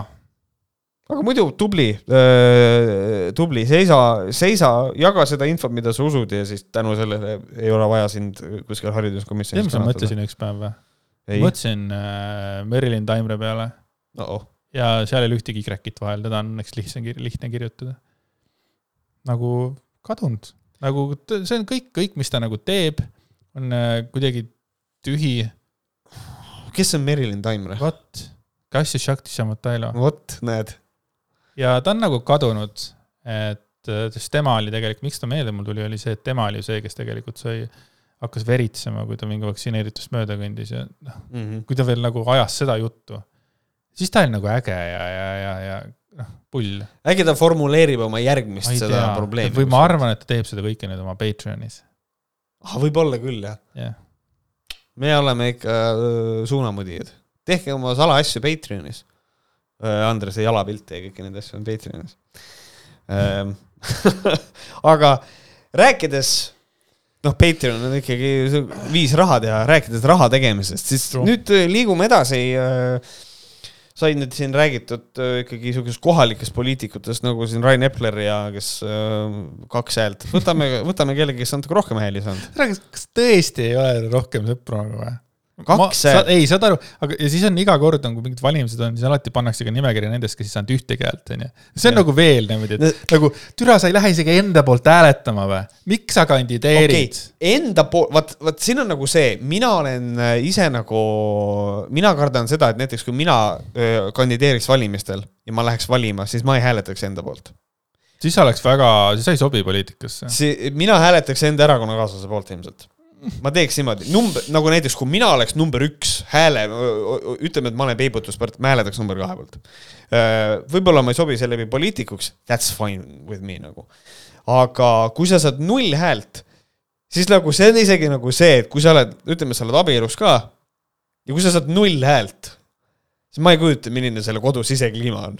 et nagu selles mõttes nagu kus on see support, nagu ma saan aru, et noh, isegi kui on kokku lepitud, ei noh, sa hääletad selle poolt, kelle sa tahad ja see on fine. no sul on, sul on hinges valus, okei okay,, kui sa oleks peibutuspart onju ja sa, sa tead, et sa saad hääli, siis on nagu, aga kui sa oleksid veitsa ebakindel, no võib-olla nagu näiteks mina olen mm. -hmm. ma noh, ma häälet-, no ma ikkagi paneksin selle ühe hääle enne, sest ma tean, et ma ei jää vaata nagu nullimeheks, et noh, isegi kui Lemme mõtleb ümber ja paneb sotsdemmile hääle ja mu vanemad ikkagi otsustavad EKRE kasuks va- valida, noh, ma tean, et ma saan selle ühe hääle onju, et äh, ja Või aga pärast- sa saad ühe hääle ja siis kõik vaatavad, näe, üks hääl ja see on ka tema enda oma, see on veel rõvedam. tead, ma ei ole sinuga näed, nõus see, mees pani enda pildi peale mina arvan, et null on jubedam, okei. null on nagu hirmsam olla ja aga kaks on ebamäärane peibutusparbiga on ka, parbiga, peibutus barbipilvre. peibutus, peibutuse parbiga on ka see jama, et uh, you never know, kui peibutav ta on. Minu Mhm. arvates oli, kas see on see suunamudija Sten Talivee või mis ta nimi oli? Hensu Kusta, jah. ei no Enso Kusta ka, Enso Kusta ka, aga, aga minu arust oli Sten Talivee, ma, ma eeldan, ta oli seal kuskil mingis influencerite saates, noh, samamoodi noh. Instagramis on, kusjuures anna andeks, who the fuck. vahet ei ole, teeme siis, ma lihtsalt räägin, ta oli telekas, tal oli olegi hea tasa, tal on influencer, tal on tuhandeid jälgijaid, onju, ja siis, siis ta, ei no ongi ja siis ta saab, onju, hääli kolmkümmend üheksa või viisteist, emb-kumb see oli, onju. noh, Mhm. sorry, aga see on ju tegelikult läbikukkumine, kui sind, kui sa tõmbad, kui sind tõmmatakse nagu sinna mängu kui peibutusparti. jaa, on küll, jah. et selles mõttes on see nagu kurb ja minu arvates Enso Kusta, kas ta isegi ikkagi ei ole seal, kas ta ei saanud sisse, ma ei ma ei teagi. mäleta. ta sai ka vähe hääli, aga noh, see on ka ülenurme. rohkem kui kaks. seda kindlasti. aga palun jätka nüüd. et äh, puudutame nüüd taaskord Repinskit äh,, mitte siis nagu päriselt füüsiliselt, et äh, kõigepealt oli siis lugu sellest, et kuidas tema sõidab taksoga äh, tööajast ja et siis äh, sai noomida Keskerakonna nagu teiste liikmete käest, et nagu, et kas sa viitsid palun teha oma fucking tööd. ja siis saadi aru, tähendab Repinski sai aru, et okei okay,, siin on nagu mingis mõttes on point, see on see tüüp, ma ei tea, äkki oled kuskil näinud? aa, see on, ei tea, ma ei tea, kas see, ei ole, ma ei ole kunagi näinud. davai, jätka edasi. see on, Such an asshole. et ühesõnaga, et ähm, millest ma rääkisin, nii, Sten Talivee, ei, Martin Repinski. Et tema siis äh, sõidab taksoga, et palun tee oma tööd, otsustas, et teeb oma tööd ja siis mõnda aega hiljem tuli uudis seda, et vend paneb jube palju kuluhüvitiste alla pappi. mille alla see läheb, ei tea, see vist oli Õhtuleht, ma eeldan ja siis nagu Eesti Ekspressile kombeks äh, nad otsustasid võtta kuulipilduri ja lasta Martin Repinski pilbasteks, lastes välja info sellest, mismoodi ta on ostnud äh, bensiini äh, ja ja et põhjendada seda bensiinikulu, selle jaoks peab tal olema mitte, mitte selles bensupaagis auk, aga et seda paaki ei ole. et ta lihtsalt tangib ja kohe on tühi ja, ja ühesõnaga, et see ropp raha mingi aastas mingi vist kaheksa tonni pluss oli nagu bensu peale see kulu vabandust, valetan, diisli. välja arvatud üks kord, kus oli bensiin. Repinski vabandus oli see, et ta sõidab erinevate mul on nii autodega. palju autosid, et mina ei tea, kuhu ta läks, vaata. kurat, mul, mul on äh, kuradi õues on autosid küll, kõik sõidavad diisliga, välja arvatud üks, see seal, et noh, see on okei okay.. hästi palju pena ja, ja, ja kõike seda ja siis me veel rääkisime sellest ja mina rääkisin, et minu Discordis keegi ütles, et noh, tal on äh, see äh, korter ka, mis ta kuluhüvitis talle läheb, et tal oleks hea lähedalt tööle minna. kuigi ta elab ise Viimsis, mis on kakskümmend minutit autosõitu. Ja siis ta et noh, mul on palju tööd ja, aga tema, Martin Repinski jaoks ei ole töö see, mis ta Riigikogus teeb. see on see fucking takso, mida, mida ta sõidab. True. ja siis kuradi, me olime, me olime Andresega mõlemad ikkagi tegelikult jumala vihased, et nagu tere küll, sul on kakskümmend minti tööle, stop being a pussy ja sõida koju. et äh, nagu, mis, ma olin, ma Lasnamäe korteris, nagu miks, mis oli, mis, mis see viietoaline või mitu tuba seal oli, mina ei tea. hull vist ei olnud, see oli ikka väiksem. vist oli väiksem, aga ühesõnaga, et miks on vaja nagu, aga noh, võtab ja siis me aasisime siin ka, viiekümne ruutmeetris üürikorteris ei kannataks siis viite tuba omada. jube väiksed toad on. ette, viiskümmend ruutu, aga nagu hästi pisike. seesama Repinski teema tõi 50 mulle, tõi mulle ju seal Patreonis ka meelde selle, et Inna Roosil oli kunagi äh, korter, kus ta oma lilli hoidis. aa jaa, õige. see on ebareaalne. miks ja kuradi, sorry, türa, see, see oleks olnud vabandus, kui nüüd poleks see uus info, siis öelda, et tead, aga Repinskil ongi kaks korterist, ta ühes hoiab bensiini. kujutad ette, Lasnal on mingi viiekümne ruutmeetrine korter, mis on lihtsalt otsast otsani fucking pena täis. mingi vend on rõdul, mõtleb, täna ma teeks ühe tobi raisk, järsku mingi ilge pauk. ja kõik mõtlevad, tere, mis värk on, Märt Ranna, kas see ei ole surnud, see vanamees pommipanija ei ole surnud, mida fuck. et see on nagu vau wow., aga ei, ühesõnaga ta ei hoia oma korteris bensiini, sellepärast et.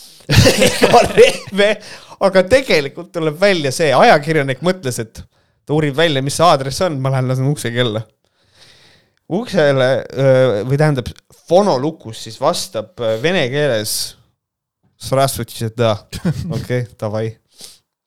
Ja siis küsib, et noh, et kus Martin on, siis seal on nagu, mida te tahate, mis kuradi Martin, siin ei ole ühtegi, kuidas siin oli ja siin toodi nagu välja see ka, et mingit Martinit seal ei ole. siis ta küsib, et kas ta on õige korterinumbri valinud, vabandab, lahkub ja siis kontrollib üle, äkki ma valisin nagu vale numbrit, äkki ma eksisin korteriga ja ei ole. ja tuleb välja, et seal korteris elab mingisugune random dude, sest et me siis spekuleerisime, et äkki ta üürib seda korterit välja. Holy shit, vist ongi nii, mingi suvaline vend äh, ja et põhimõtteliselt Repinski üüris viiekümne kolme ruutmeetrise Lasnamäe korteri esimesel novembril eelmine aasta ja leping kehtib aasta kaks tuhat kakskümmend kaks kolmekümnenda aprillini. raha on kõik ette makstud, see on oluline, viis tuhat kolmsada nelikümmend eurot maksti korteri eest kohe ära, eraldi kommunaalkulusid Repinski maksma ei pea ja üür on seega kuus ümber arvestatuna kaheksasada üheksakümmend eurot. kaheksasada üheksakümmend eurot. üür. koos. ja, ja nüüd me jõuame ja see on nagu, viiekümne ruudune, See see on on vii- mingi no maks kaks tuba või? no viis on viiskümmend kolm ikkagi, see on 53., me ei tohi seda unustada, et seal on nagu kaks, viiskümmend kolm. kolm väikest tuba, kaks suurt või kolm väikest. ja siis äh, kahtlane, okei okay,, mingi võõras mees, leping on Repinskiga. Ja siis ta äh, uuris, et mis maksab selline korter ja et samas trepikojas oli ka kahetoaline korter, siin ongi siis kirjas, et, et ilmselt siis kahetoaline, et on müügil korter. ja siis ähm, ta lihtsalt võrdluseks küsis siis kinnisvaraeksperdi käest, Tõnu Toomepargi käest, et mis see siis see, üürivärk, et palju see on ja eksperdi hinnang on, et noh, nelisada kuni viissada viiskümmend kuus pluss kõrvalkulud ja et kui oleks nagu eriti räme nagu hästi käre talv, siis kõik kulud kokku läheks kuskil seitsmesaja viiekümne peale. tuletame meelde, sellel on ümber arvestatud kaheksasada üheksakümmend eurot ka suvel. ka suvel. ja siis on nagu see what the fuck ja siis, kui edasi küsitakse, räägiti selle mehega, et noh, et kes sa oled ja kõik, siis ta ütles, et ta on Repinski, mis asi, et, et, et Repinski on ta õemees mm. -hmm.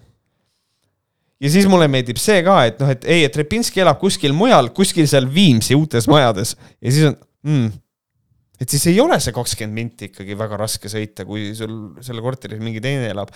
et mul on nagu see, et kui sitt fucking vale see on, et ei noh, mul vahepeal on vaja Eh, mul vahepeal on vaja nagu sinna korterisse ka minna, et noh, see on nagu lähemal. miks seal siis keegi teine sees elab?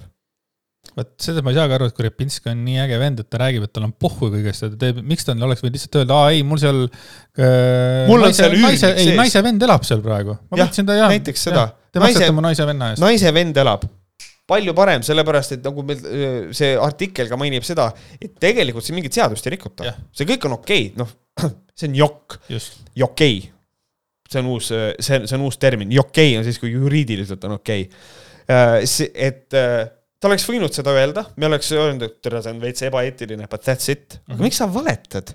miks, Martin, nahhu sa valetad kogu aeg? ja see asi läheb ainult hullemaks. sest et ei, ta räägib siin, et ei jaa, ta on mu, äh, ma olen Repinski elukaaslase vend ja, ja, ja siis läheb siin asi edasi, et ma, küsitakse Repinski käest, tere, mis sul viga on täna Eh, küsitakse Repinski käest kommentaari, et, et noh, et kuule, mis toimub, siis, siis Repinski ma ei soovi seda teemat kommenteerida, aitäh, kõik. elukaaslane vastab telefonile, mida teeb õige ajakirjanik, on see, õige ajakirjanik läheb püüab Repinski Riigikogust kinni. mis on muidu üllatav tegelikult, kaua ta seal pidi olema, seal see ajakirjanik? tead, ma arvan, et ta ostis endale selle kuradi äh, kamopulga, nagu sõjaväelased, vaata, maskeeris ennast Riigikogu värvidesse siukseks beežiks ühtlaseks, seisis seal seina ääres, ootas, kuni Repinski mööda läheb. Malle Pärna selle visiiri ette, hästi ei saanud aru ka, vaata. jah, ja püüdis ta kinni ja siis nagu nõudis vastuseid ja, ja, ja Repinski, tuletan, lihtsalt ma igaks juhuks tuletan meelde et see mees ütles, et ta on Repinski elukaaslase vend mm. ja Repinski vastab, kes seal sees elab. ma ei tea, kes seda nüüd kasutab. ma olen selle lepingu üles öelnud alates esimesest märtsist, muidu enne seda olen kasutanud, mitte väga tihti, aga olen. Sa tahad öelda, et kui su naise vend seal sees elab, siis sa ei tea seda või? ja kõige parem on see, et täpselt samamoodi nagu reps lihtsalt paneb ühe vale teise vale otsa ma jõuan Repsist ka veel natuke rentida ilmselt, siis ta ütleb, et ta on lepingu üles öelnud. kas ta arvab, et ajakirjanik on debiil või, sest et ajakirjanik läheb kohe uurima kommunikatsioonijuhi käest, et noh, et kuule, ta väidab, et tal on see leping ära lõpetatud ja kommunikatsioonijuht ütleb, et lepingu lõppemise kohta dokumenti esitatud ei ole ja see kehtib aprilli lõpuni mm.. mis tähendab, et juriidiliselt, endiselt makstab äh, ju, on riik selle asja kinni maksnud. kaheksasada üheksakümmend eurot kuus. et see on ikka ülirõve, noh Äh, ja siis äh, küsitakse Repinskilt veel, et kes muidu tema Lasnamäe korteris elas no alates esimesest märtsist on äh, kõik seal võib elada, kes iganes. ma ei tea seda, aga enne seda, kui ma seda kasutasin, siis mul ikka käisid sugulased ja mhm. tuttavad ja seal ja kui te sellele vihjate, et keegi teine võis seal korteris olla. aga me räägime sellest ju, mis praegu on, mitte see, mis, mis siis oli. praegu elab seal, sul on väidetavalt leping läbi, sa ei tea, kes seal elab kogemata tuleb välja, see on su naise vend või. et otse loomulikult, siin on jumala võimalik see asi, et ta on öelnud sellele üürnikule, ütle, et sa oled mu naise vend. võib-olla ta ei olegi päriselt naise vend, lihtsalt valetas sest see mees ka nagu tal oli öeldud, et noh, briif oli ära tehtud, kui keegi küsib, siis ütled, et oled naise vend. aga miks need sugulased ja tuttavad peaksid käima just seal mingisuguses väikses äbarikus korteris, kui seal on Viimsis uus maja? sul on Viimsis uus maja kaugusel. ja siis kuule, mõttest tuleks läbi, kuule, tule mu Lasna korterisse miks sa siin oled? jah, see on ainult siis, kui sul on armuke, siis ma saan aru. ja siis on Repinski siis hakkab pareerima küsimusi, ütleb, see on normaalne, kas teil kodus ei käi sugulasi, see ei ole su kodu. su kodu on ju Viimsis. see ei ole nagu what? ja siis sealt edasi ta räägib seda, et eh, et ajakirjanik ütleb seda, et jaa, aga vaat mina maksan oma korteri eest ise, mitte ei tasu selle eest riik ja siis selle peale Repinski ütleb kõige debiilsema asja üldse. selge. ja siis ma saan seal ainult üksinda olla, perekond ei tohi tulla, sugulased, sõbrad ei või tulla, igaüks võib tulla. see on täielik demagoogia, see on ülipahatahtlik. me ei, sellest ei ole juttu, küsimus on selles, et praegusel hetkel endiselt elab selles korteris keegi, kuigi tegelikult leping on sinuga. et see, siin on väga tõsine probleem, aga noh, Repinski ei saa aru sellest kõrvale ütleme seda ka, et Keskerakonnast äh, ta arvatakse välja ja ta on siis vabakäigumees, mis tähendab seda, et nüüd ta võib taksot sõita südamerahuga. kas ta ise ei lähe ära või? Äh, no, kas ta mitte oma Fesari postituses ei öelnud, et ma lähen ära ise, kuna tead siin. tal paluti lahkuda, ma olen selles enam kui kindel. et see on see, et teda ei visatud välja, vaid tal paluti lahkuda. aga ta saab ikkagi istuda veel aastakene rahulikult seal ja, ja munni ja, mängida. ta saab rahulikult istuda ja nüüd ongi see, nüüd ta ei pea, ta ütleb, et nüüd noh, ta ikkagi hääletab edasi nagu nii-öelda Keskerakonna poolt, ta ei pea ju. selles mõttes, nüüd ta võib rahulikult oma taksot sõita, ta võib seda tööd teha, mis tal tegelikult korda läheb osta bensiini ja tiksuda ja panna tühja, tühja kohana, nagu ta inimesena on minu arust et siin on nagu, et, et siin on nagu selline sats, mind kõige rohkem ärritab kogu selle asja juures see, see nagu see valetamine ja mitte lihtsalt valetamine, aga see sitt valetamine nagu see, mis, see, mis on nii, nii selgelt vale, täpselt nagu Reps, nüüd tuleb Repsi rent, et nagu mina, kas Repsi kaitse oli keres või? et ma mõtlen seda keres pidi kahe käega peast kinni hoidma, seda, kui on intervjuu Repsiga, et noh, see kohvimasin ja siis on selle asemel, et öelda, et ei no ma joon kohvi küll, aga see oli mul, see oli mu kodukontorisse, et selle asemel Reps, Reps ütleb, ma ei joogi kohvi. keres pidi hoidma kahe käega peast kinni, mõtlema putsi küll, ole vait, mida sa teed, sest et nüüd tuleb endise ministri nõunik, ütleb ei noh, ta vahepeal jõi cappuccino't ja ta jõi nagu kohvi küll nüüd juriidikas, ma saan sellest aru, juriidikas on kõik asjad teistmoodi, ma saan aru, Keres ütleb Repsile ka, ei noh, lihtsalt ütle, et sa nagu meeskonna, tahtsid nagu ühte sulanduda meeskonda, kamba vaimust jõid vahepeal cappuccino, piimakohv, see ei ole nii tugevat, ei ole kohvimaitset tunda ka, et noh, see ei ole päris kohv, ütle. kõik on välja vabandatav, ma ei tea, kuidas juriidikas töötab, aga avalikkuse jaoks oled sa ju valetanud. ma ei joogi kohvi. miks on vaja valetada? Kui su käest küsitakse, et noh, et miks see kohvimasin seal on, siis ütle seesama ametlik vabandus, mis oli välja antud, mitte ära lisa juurde, et by the way, ma ei joo kohvi. see on nagu Repinski ütleks seda, et kuulge, et noh, et seal, et sõidad taksoga ja need kuluhüvitised on jube suured. ei, ma ei, mul on elektriauto hakkab vale või et ei, ma ei sõi-, mul kondimootor, ma ei joogi bensiini. et noh, mingisugune, mida iganes, see on täpselt, miks sa pead valetama niimoodi? minu arust on nii pull see, millega tegelikult äh, nüüd tegeletakse kohtu, kohtusaalis siis, et kas ta joob kohvi või ei joo. nagu ma mõtlen, et kohtunikena mõtlevad seal, et tere, tegelikult ka või? nagu, nagu okei okay,, ma saan head raha, ma istun siin ära, onju, aga see ei ole nagu reaalne nagu teema, millega tegeleda, vaata. aga mul on lihtsalt, mul on lihtsalt keresest isegi nagu kahju, et nagu lihtsalt nii ma annan sulle täieliku briifi, sest vaata kogu see intekas, mis oli Taavi Eilatiga Pealtnägijas tehtud, see tegelikult oli, seal oli nii palju seda lawyer speak'i sees, see oli mm. nii selgelt, oli briifitud, mida sa võid see. öelda, mida sa ei tohi öelda. ja siis Keres mõtleb, ei, kõik läheb väga hästi. nii, aga see kohvimasin, ei, ma ei joogi kohvi, Keres on, türa küll türa, see tuleb, see, see bumerang tuleb tagasi raisk, see on ai, ai, ai. ta on nagu Edgar Savisaar, kes äh, joob tühjast tassist kohvi ma ei tea, see on ikka see nii. tass on ju näha, et see on tühi.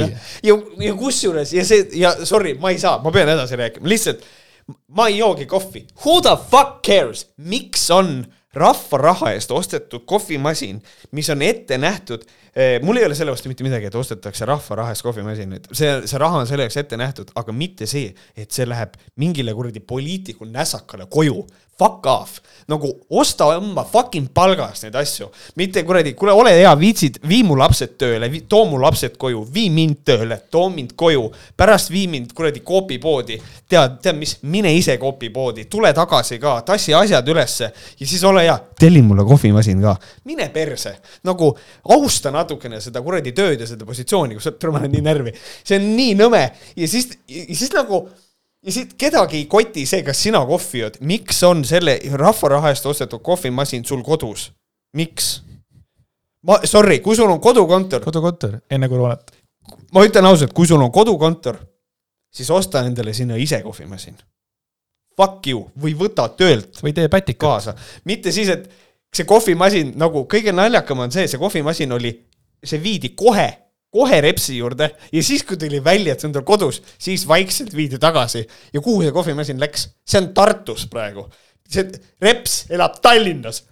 ma suren ära, see on nii debiilne, Andreas. see on nii loll kõik. ma ei, see kuradi Keskerakond. ja nüüd on see ka, nüüd neil on kahe, mis see kaheksasada tonni on võlg, nad peavad tagasi maksma mingeid annetusi mis toimub, kas on äkki võimalik, et Keskerakond nüüd vaik vaikselt pakib ennast keskpõrandale kokku ära ja paneb pillid kokku?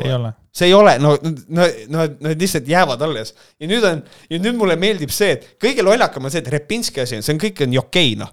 Neil on, see kõik on okei kõik on juriidiliselt jumala korrektne, aga Repsil on nagu see, Reps on, see, siit peab tulema näidispoomine ja ma, ja ma ütlen ausalt, ma loodan, et ta läheb vangi ja, ja kusjuures ma olin enne, mul oli kahju, et noh, kõik see, aga kui tule siis, kui tuleb veel, ei noh, tegelikult ei jõi kohvi küll. ja ma, ja ma saan aru, enne saadet Andres natukene kritiseeris ajakirjandust, et noh, pealkirjast jäi mulje, et noh, et Reps joob iga päev viis liitrit kohvi ära, espressot viis liitrit. Aga põhimõte on sellest, et ikkagi ta on avalikkusele valetanud, et ta ei joo kohvi, et noh, see on nagu nii lihtsalt nii nõme ja labane, ütlen ausalt, ma loodan, et läheb kinni. jaa, aga sa ütlesid seda juba siis, kui äh, tuli välja, et selle kohvimasinaga koju kõndis, siis sa, siis, siis ma mäletan, sa ütlesid ka, et tead, varem mul oli stressist pohhu, aga kui ta võttis selle kohvimasina, fuck it, fucker umbes, et pange kinni ära. ja nüüd ma ütlen, pange paar aastat juurde ka veel, see on lihtsalt, see on, ma olen lihtsalt see. kõik sellepärast. ma ei tea. ta joob vahepeal piimaga cappuccino't. see on nagu lihtsalt nagu I can only handle so much, mul on nagu süütenöör, mul on nagu ma hoidsin nagu niidiga veel mingist asjast kinni, aga nüüd on nagu see, et see üks pisiasi, ei, no tegelikult kohvi ei joo, okei okay,, sa ei joonud kohvi, aga et teised oli kodukontoris. ja siis tuli välja, et tegelikult see oli aastal kaks tuhat üheksateist, tere, miks siis kodukontorit oli vaja teha, siis ei olnud üldse Covidi aeg, okei okay,, väga kahtlane, nüüd tuleb välja, ei ta vahepeal ikka jõi kohvi ka. okei okay., ja see masin pidi olema selline, et sa saad reguleerida temperatuuri ja kõik. Lock her up, I can't take this. ei, näidispoomine on äh õige asi, mis selle peale ütled, et see jah, võiks tulla, sest et see võib olla ju nagu maailma suhtes väike asi, aga, aga see oleks, see oleks vajalik.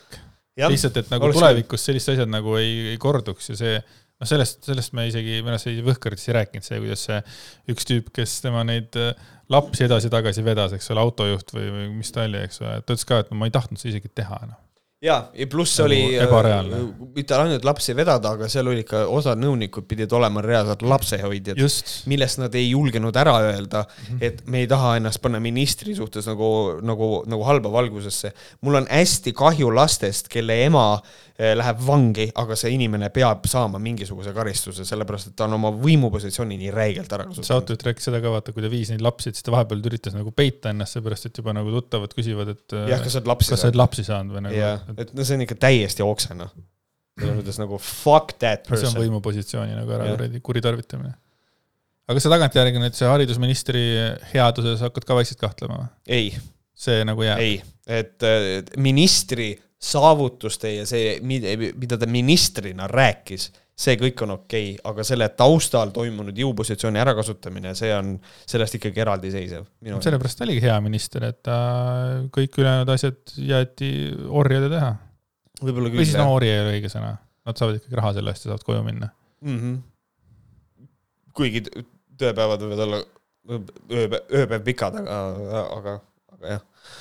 nii oh, nii, Repsist, Repinskist on räägitud. Lähme rahuliku teemaga edasi. Lähme rahuliku teemaga edasi, mõtlesime, et oleks aeg meie äh, vahvas tavasaates ka pakkuda meie kuulajatele ikkagi äh, siis äh, siia saate, saate lõppu siis Malle Pärna, üks kild, et Malle Pärn on kirjutanud artikli pealkirjaga või kolumni pealkirjaga Mask röövib inimeselt näo, identiteedi ja väärika. Malle Pärna artiklid on selles mõttes hästi üllatav hitt, et kui me nendega tegelema hakkasime, siis need jäidki alati saate lõppu või siis ütleme, nad venisid, noh, lükkasime edasi, et kolm saadet või niimoodi yeah,, et noh, et yeah. vaatame, et ja siis, aga see meeldib inimestele.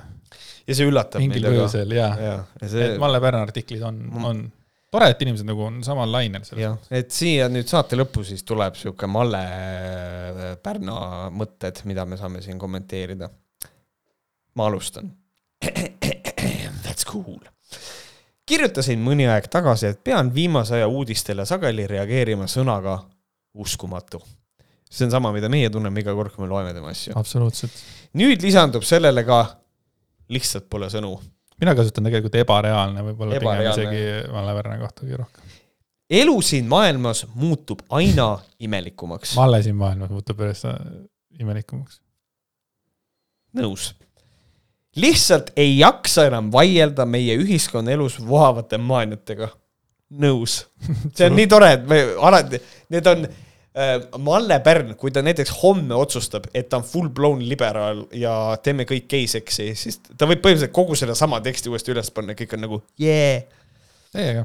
nagu kivimüür oleks seest, millest ükski valguskiir läbi ei pääse. räägi ja räägi, seleta nagu väiksele lastele aina uuesti ja uuesti, aga nad ei saa mitte midagi aru see viirus, see viirus on hullem kui koroona. ei tapa, aga sandistab ja ilmselt jäädavalt. väga morbiidne, väga fatalistlik suhtumine, äh, aga jällegi jah, oleme pidanud ka väga palju asju seletama nagu väikestele lastele uuesti ja uuesti. aga jõuame selleni. nii, ja nüüd tuleb siis loetelu asjadest, mis Malle Pärna arust on täiesti uskumatud. kliimaneutraalsus, rohepööre, CO2 tasulised kvoodid, sooneutraalne abielu. soodüsfooria, Rail Baltic, massmigratsioon heaoluriikidesse, metsade hävitamine, sundvaktsineerimine, politsei alusetu vägivald, maskikohustus, koroonapass. väga huvitav valik asjadest. väga huvitav, sest põhimõtteliselt on, teemad on nagu hästi võrdsed, metsade hävitamine, soodüsfooria, et äh.... huvitav, kas sa tead, et soodüsfooria nagu päriselt nagu äh, eh, nagu päris diagnoositav asi või mitte. see on nii veider ka. mida see üldse, see kogu see nimekiri tähendab, et sul on politsei alusetu vägivald. politsei alusetu vägivald, see on nii mitte midagi. metsade hävitamine ja politsei äh, alusetu vägivald, nagu probleemid Eesti ühiskonnas by Malle Pärn. noh eh,, koroonapass, maskikohustus eh,, eh, Rail Baltic, soodüsfooria, see nagu viitab sellele, et nagu sa ikka nagu, nagu sirutad nende asjade järgi. et no see on siuke. ta on ikka täitsa sassis. see on ikka täielik probleem jah, et see on sooneutraalne abielu ka ja, ja mulle meeldib see ka kliimaneutraalsus. rohepööre, CO2 tasulised kvoodid, kõik sama asi tegelikult, aga davai, põhimõtteliselt on see kõik nagu same shit, different asshole. nii, jätkame. üks võeti ära, sest selle mõttetust hakkasid taipama isegi liberaalid. Teised jäeti alles see vaksikupass, see orja isikutunnistus, mis tegelikult alandas veel rohkem neid, kes selle hankimisega vaeva nägid, ennast selleks mitu korda süstida lasid, et vaktsiiniusu sõnakuulelike jüngritena, juhul kui nad ellu jäid, kodust väljas meelt lahutamas saaksid käia. see kuradi putsi, see orja, see orja, see orja, see orja, orja asi on nii rõve nagu, et kogu aeg on vaja seda orja, see on, see on orja isikutunnistus. Türa ma ei tunne ennast orjana. Mm -hmm.. tegelikult ka ma ei tunne. Vastupidi, ei tunne, mina tunnen seda, et see teeb mind vabamaks reaalselt. et äh, aga, või noh, tegi enam, enam, enam seda ei ole, et siin on nagu hästi, ta räägib seda, et üks võeti ära, ehk siis meil on endiselt teemas soodüsfooria, metsad hävinevad, sundvaktsineerimine, politsei alusetu vägivald. politsei alusetu vägivald, see on see on siiamaani, meil on police brutality on oota, me räägime sellest politsei, ja, ja, ja see on see alusetu vägivald, see, et üks koer auka, hakkas haukuma ja politsei tõmbas tagasi, sa mõtled seda või? jaa, see on see. see on sama, see on ja. sama suur probleem nagu see metsade hävitamine. aa, oota, aga ta tõmbas koera tagasi, oli. ja, ja, ja, ja, ja see on siis koera vastu vägivald või? ta seda mõtleb või? no see on umbes sama õudne nagu see Rail Balticu raha, mis nagu visati need miljonid tegelikult. meie, äh, kusjuures meie eelmises äh,, oli ju Patreonis, eks ju, rääkisime, et me eelmises Patreonis äh, oli, võtsime ka ühte Malle Pärna artiklit lahti ja seal oli tegelikult äh,, ta korduvalt rääkis, et koer ässitati kallale. mis on äh, faktiviga täielik äh,. ja siis ta räägib sellest, et äh, vaktsiinipassi mõttetusest hakkasid aru saama isegi liberaalid ise, kujutage ette, isegi liberaalid said aru, need on need kõige jälgimad värdjad ühiskonnas ju, et nagu sellest, et isegi liberaalid said aru äh,. orja isikutunnistusest me rääkisime ja nüüd ta kirjutab, et tegelikult see vaktsiinipass alandas veel rohkem neid, kes selle hankimisega vaeva nägid. ja siis ma mõtlesin nagu, et ma jäin mõtlema selle peale, oota, oot-oot-oot see oli kusjuures, ma olin just oma selle Shungidi research'i ära teinud ja siis ma hakkasin Malle Pärna seda asja tegema, tegin Pärna research'i ja hakkasin mõtlema, et kui suur vaev on koroonapassi tegemine. sest et mina isiklikult puutusin kokku sellise olukorraga, et ma unustasin enda koroonapassi uuendada. ja ma läksin välja sööma ja mulle öeldi, et sorry, et see on aegunud.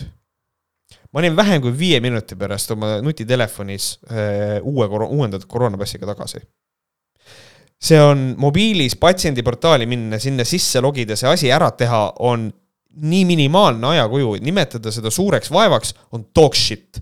välja arvatud siis, kui sa oled äh, geriatric old fuck, kes ei ole suutnud eh, seadistada ära Smart ID-d ja sorry, kui sa ei ole Smart ID-d endale ära seadistanud ja sa sellepärast sulle suur vaev on, siis noh, sa lihtsalt ei, sorry, sa ei, sa ei, sorry uh,, controversial take by Märt Koik, aga sa ei sobi modern, modernsesse ühiskonda, sellepärast et sa ei suuda sisse logida, sul pole jumala normaalset autentimisvahendit. ja siis ma otsustasin, ma tulen Mallele vastu. ja ma nimetan selle suure vaeva, ma panen sinna alla need süstimised ka kõik, see suur vaev. ja ma mõtlesin, kui palju on minu ajakulu olnud see kõik kokku. Ehm, ja see on olnud endiselt alla tunni sest et mul on nii selgelt meeles, ma läksin oma esimest vaktsiinisüsti saama, ma läksin koha peale eh,, parkisin auto ära, siis mul tuli meelde, et perse ma unustasin ID-kaardi. sõitsin koju ja jõudsin minut enne kohale eh,, kui oli mu aeg, näitasin ID-kaarti, läksin istuma, sain kohe ette, tehti süst ära eh,, ootasin ja läksin koju. ja see kõik kokku on mul võtnud aega kõik minu koroonapassiga seonduv on võtnud mul aega kokku vähem kui tund aega, millest kolm süsti ehk siis viisteist, viisteist, viisteist, millest kokku nelikümmend viis minutit ma olen istunud tooli peal, telefon käes ja lugenud uudiseid. väita, et see on suur vaev, on debiilne. see on loll. seda ütleb inimene, kes ei ole kursis selle asjaga see on rõve valetamine ja täielik valenarratiiv, et see on suur vaev ja see ajab mind lihtsalt nii närvi. ja siis siit veel edasi ka ta räägib, et siin me oleme vaktsiiniusu sõnakuulelikud jüngrid mm. -hmm. juhul, kui need ellu jäid. nüüd ma ei taha üldse andmetega inimesi üle visata, aga võtame USA näitel CDC info, infosüsteem.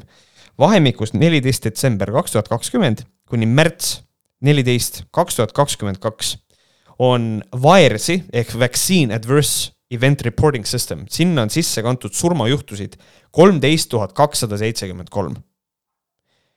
süstitud doose on üle viie, viiesaja viiekümne seitsme miljoni. see tähendab, et see kolmteist tuhat surmajuhtu on null koma null null kakskümmend neli protsenti. ja kõik need surmad on peaasjalikult need, need surmad, mis on seostatud sealt vaktsiinidega siis need on puudutanud peaasjalikult Jansseni vaktsiini mm -hmm. ja sellega, et inimesel on eelsoodumus, et, et tal võib tekkida tromboos. ja mis on veel oluline ära mainida, et kõik need reportid, mis on esitatud VAERS-i, on ainult reportid ja see ei tähenda, et need on ilmtingimata vaktsiinidega seotud. inimene saab selle reporti, seda reporti saab esitada ja see on pärast vaja valideerida ja sellega tegeletakse. ehk siis ei pruugi olla tegelikult Wires'i süsteemis olevad vaktsiiniga surmad või kõrvalnähud seotud tegelikult nende äh, nende vaktsiinidega. ja nüüd on siin see probleem, et see info on tegelikult avalikult internetis üleval. Äh, ja see näitab minu jaoks ainult seda, et Malle Pärn lihtsalt kirjutab mingisugust täiesti Kremli-meelset trollivabriku sitta ja ta teeb seda konstantselt, ta teeb seda kogu aeg ja antud hetkel, kus kohas on täiesti selge Vene propaganda sees ka objektiiv.ru äh, kuradi äh, selles domeenis üleval, siis mina leian, et viimane aeg on teha Objektiivile korralik fucking audit ja natukene sinna asja sekkuda, sest et see on, see, see on väga problemaatiline. aga Malle Pärna puhul mina usun õnneks seda, et see inimene on täiesti psychaarik, ta on lihtsalt, ta ei ole nagu reaalsusega kooskõlas. sama. ma, ma nagu kuulan sind ja ma olen nõus sinuga kõigega, mis sa ütled aga lähme edasi, mis Male kirjutab. igal pool tuli näidata seda orjapassi. ilma selleta inimesena ei olnud kellelgi enam väärtust. ma ei tea, kuidas sinu väärtusega on, kas sa oled kuidagi väärtusetu? ma ei ole kuskil, kui, kui nagu inimene on väärtusetu, ei ole. mina olen näinud pealt seda, mismoodi inimesed, teenindaja vabandab, palun vabandust, aga me ei saa teid sisse lasta. kui inimene on väärtusetu, siis sa viskad, siis sa viskad ta välja, ütled kaosid sitt nagu see, see on ikkagi nagu see, ma ei tea, kuskohast ta seda võtab. ja ainult see pass andis neile loa pääseda Parnassile petlikke lõbusid nautima. ja kui see on nii petlik, siis miks see niimoodi kepib seda äh, jah no., kui see on nii petlik, siis miks see Malle siin nii hirmsasti nagu ärritab. kellelgi ei ole mitte mingisugust väärtust ja siis Just. tuleb välja, et need, et need inimesed, kellel siis justkui nagu on ühiskonna silmas väärtus, need tegelevad mingisuguse petliku lõbuga, mis on tegelikult siis nagu. täiesti, on petlik lõbu ja miks nagu nii mis palju. mis su probleem siis? jah, täpselt, mis see probleem on? aga, aga, aga nende petlikke lõbusid mitte nautima saanud inimesed on nüüd väärtusetud äkki või? Täiesti uskumatu, ma see ma ennem ütlesin jah, sa, sul ütlesin valesti, kui ma ütlesin, kas sulle väärtust anda, ma mõtlesin teistpidi. et, et jah, see, et nagu kes ei ole vaktsineeritud, seal ei ole väärtust mm. -hmm. on, miks ei ole nagu, inimestel on töökohal oma väärtust alles, peres on väärtus alles, inimeste väärtus isegi ei, ei seisne ju selles, et kas keegi neid väärtustab, peaasi, et iseennast väärtustad oo, sihuke mindful värk ka. oo, nice. Šungiiti ka müüd või? ei, aga tegelikult see nii on, et tegelikult see orjapass nagu seda fucking nimetatakse. seda orjapassi narratiivi suruvad ju nemad kogu Just. aeg. millest, me räägime, toome jälle, ma toon näite lihtsalt, me räägime teater, kino ja dekoltee mm -hmm. põhimõtteliselt. no see on Svainlase laul mm. -hmm. teater, kino, dekoltee. on veel midagi, teater, kino ja ja ütleme muuseumid. väljas mis... söömine tead. jah, õige, restoranid ka. That's see, it. That's it. huvitav, kas restoran on ka petlik lugu või? I wonder. ususekti juhtide pitsat oli tähtis, mitte inimene ise. uskumatu, et nii paljud inimesed selle alandamisega lepivad. taaskord, mis alandamisest me räägime? see on nagu kogu see alandamise narratiiv on see, mida räägivad need, kellel ei ole seda passi True. ja need mõjuisikud räägivad sellest, nemad push ivad seda agendat, et inimesed tunneks, et nad on alandatud. et noh, siin on nagu see asi. nii, jääb alles kohustus kanda avalikes kohtades enda ja teiste kaitseks maski, soovitus vaktsineerida ja teha tõhustusdoos. ok, läheme edasi, jõuame selleni. nii viha õhutamine peaks olema karistatav, ma tean väga paljusid inimesi, kelles see määrus tekitab viha ja mitte vähe.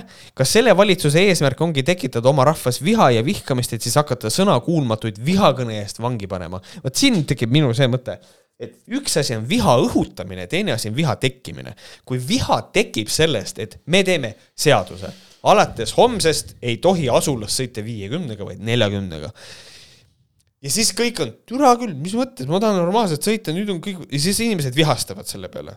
kas siis see seadus on viha õhutav või? viha õhutamine on see, kui me ajame inimesi teadlikult närvi. Wink, wink, nudge, nudge, objektiivne mm -hmm. artiklid ja mida Mallepern kirjutab. see on viha õhutamine. et ta, ta isegi nagu sellest ei saa aru ja mulle väga meeldib see narratiiv ka, et valitsus on nagu teeb mingit grand plan'i. me teeme seaduse, inimesed vihastavad selle peale ja siis nad hakkavad vihast juttu ajama, teevad vihakõnet ja siis me saame nad kõik vangi panna. mis mõte sellel on? noh, see on ju, vot. kuidas on võimalik mitte aru saada, et need maskid ei kaitse mitte kedagi selle viiruse eest? ütleb inimene, kes oli kuradi EKRE fraktsioonis Tartus ainukene inimene, kellel oli sirm ees. What the fuck? ma olin, ma juba kaotan võimaluse sellest normaalselt rääkida. lihtsalt kas ta mõtles ümber, sest et see on okei okay ümber mõelda või tal oli sirm mingi teise asjaga ees, et äkki tal oli halb aga ta ei räägi sirmidest ju. ta räägib maskidest. ta okay. räägib maskidest et..., äkki tema jaoks ongi see hästi suur vahe. võib-olla sirmist ta ei ole kordagi rääkinud, sirm on okei okay..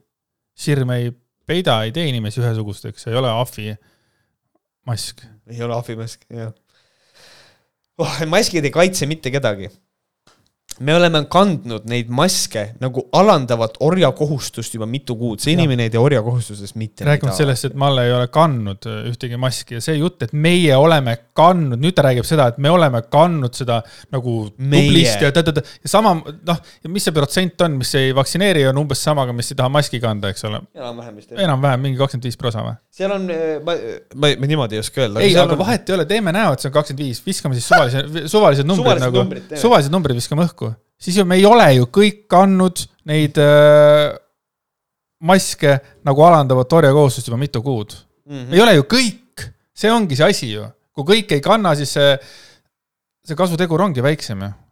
või saan ma valesti aru või? no põhimõtteliselt jah, kui kõik ei kanna, siis on nagu, siis on väiksem jah, põhimõtteliselt noh, jaa siis ta on siin, kogu see aeg on inimesed ainult üle poole aasta kandnud, kui kaua kogu see aeg on inimesed nakatunud ja haigestunud, mitu tuhat nakatunut päevas. noh, jah, see on õige. jõuan selle mõtteni, sest et ta vist pärast veel ütleb seda. kas nad, kas nad ei kandnud maske, ma lihtsalt ütlen, artiklis on see kandmine kogu aeg kirjutatud jutumärkidest mm -hmm. ja hiljem jõuab pointini. kandsid ju, paljudel inimestel on lausa peenelt disainitud püsimaskid sest neist ei lastud, sest neid ei lastud ilma maskita mitte ühestki uksest sisse. ma tunnen südamest kaasa inimestele, kes peavad terved pikad tööpäevad hingama läbi mingisuguse riide. miks? See ei ole üldse nii keeruline, kui sul just ei ole mingisugust väga tugevat mingit hingamis, hingamisega probleemi, siis see ei ole ju väga keeruline. ma arvan, et ta ei tunne, ta ei tunne tegelikult kaasa, sest ta ju nimetab kõiki inimesi, kes maske kannavad orjadeks ja mm -hmm. neil on ees ahvimaskid ja, ja nüüd ta räägib, ma tunnen kaasa. hui, sa tunned kaasa yeah., hui, sa tunned. iga kord ta lihtsalt ja. nagu mõnitab kõiki inimesi, kes selle alanduse orjusega kaasa lähevad mm. -hmm. see on, kas see on viha õhutamine praegu või? Ma ei tea, ma ei ole, ma ei, ma ei, ma ei tea sellest vihakõnest mitte persetki, aga mul, mulle tundub. ei, viha õhutamine. tema õhutab praegu viha kõikide maskikandjate vastu no.. kõik artiklid, mis ta kirjutanud on. ma ei tea, ma ei, vot, vot, vot ongi, noh, sellepärast, noh, siin ongi, et ta võiks hoiduda sellistest, selliste teemade puudutamisest, kui ta ise nii nagu sellesama nagu noateral käib, see on nii veider ähm,. ja siis ma ta küsib. ma ei tea ta tahab olla lihtsalt oluline. ta tahab, võib-olla tõesti. nii, ja ta jätkab, kas, kas just see ei suurendanud meie nakatumist? meie keha, meie veri vajab hapnikku, mitte mikroskoopilisi riidekiude ja mask, maskisse kogunenud baktereid. see on ka üks hea jutt, mida bakteritest kogu aeg räägitakse, et mm -hmm. kui kiiresti need bakterid siis nagu hakkavad vohama, kas on sul mingit aimu või? vot seda research'i ma ei ole täna teinud. aga noh, ma olen kuulnud, et mingi kahe tunni tagant võiks vahetada neid maske. kirurgilisi maske. kirurgilisi maske, kui see kogu aeg on ju neid on, aga me räägime siiski nagu siiski ju nagu kõikides töökohtades ja igal pool ei ole nagu kaheksa tundi päevas nõutud mm.. see on mingi üliväike osa tegelikult, on ju. et nüüd, kui ta räägib ikkagi nagu nii-öelda tavainimestest, siis me kasutame fucking maske, ma ei tea, palju, viisteist minutit päevas või, kui sedagi. kui iga, ise, iga päev ei käi ju poeski, on ju kõige kauem, mis mina olen pidanud maski kandma, on need, kui ma sõidan bussiga äh, Tallinnasse. minul on samamoodi, kui ma käin Vanemuises stand-up'i vaatamas äh, näiteks, et siis on ka niimoodi kaks tundi ja mm. peale mm. vaata, kaks pool tundi.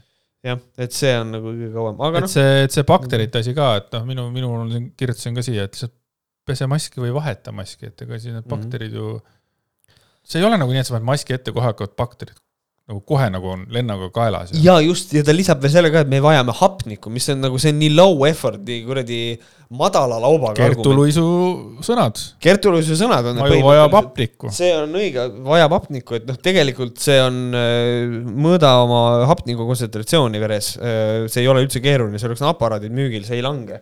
minul, minul langeb norskamisega rohkem, kui maskiga ever saab. et see on, noh, ma ei tea see on noh, see on nii loll, et siin on konkreetselt, siin on lihtsalt see argumendid on otsas, paneme veits sitta ka sisse.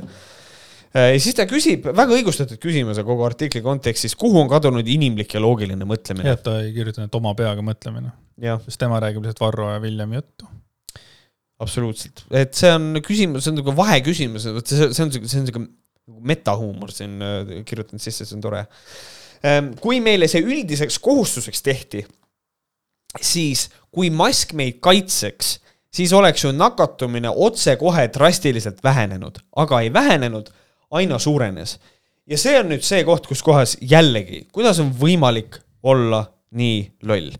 aru ma ei näe.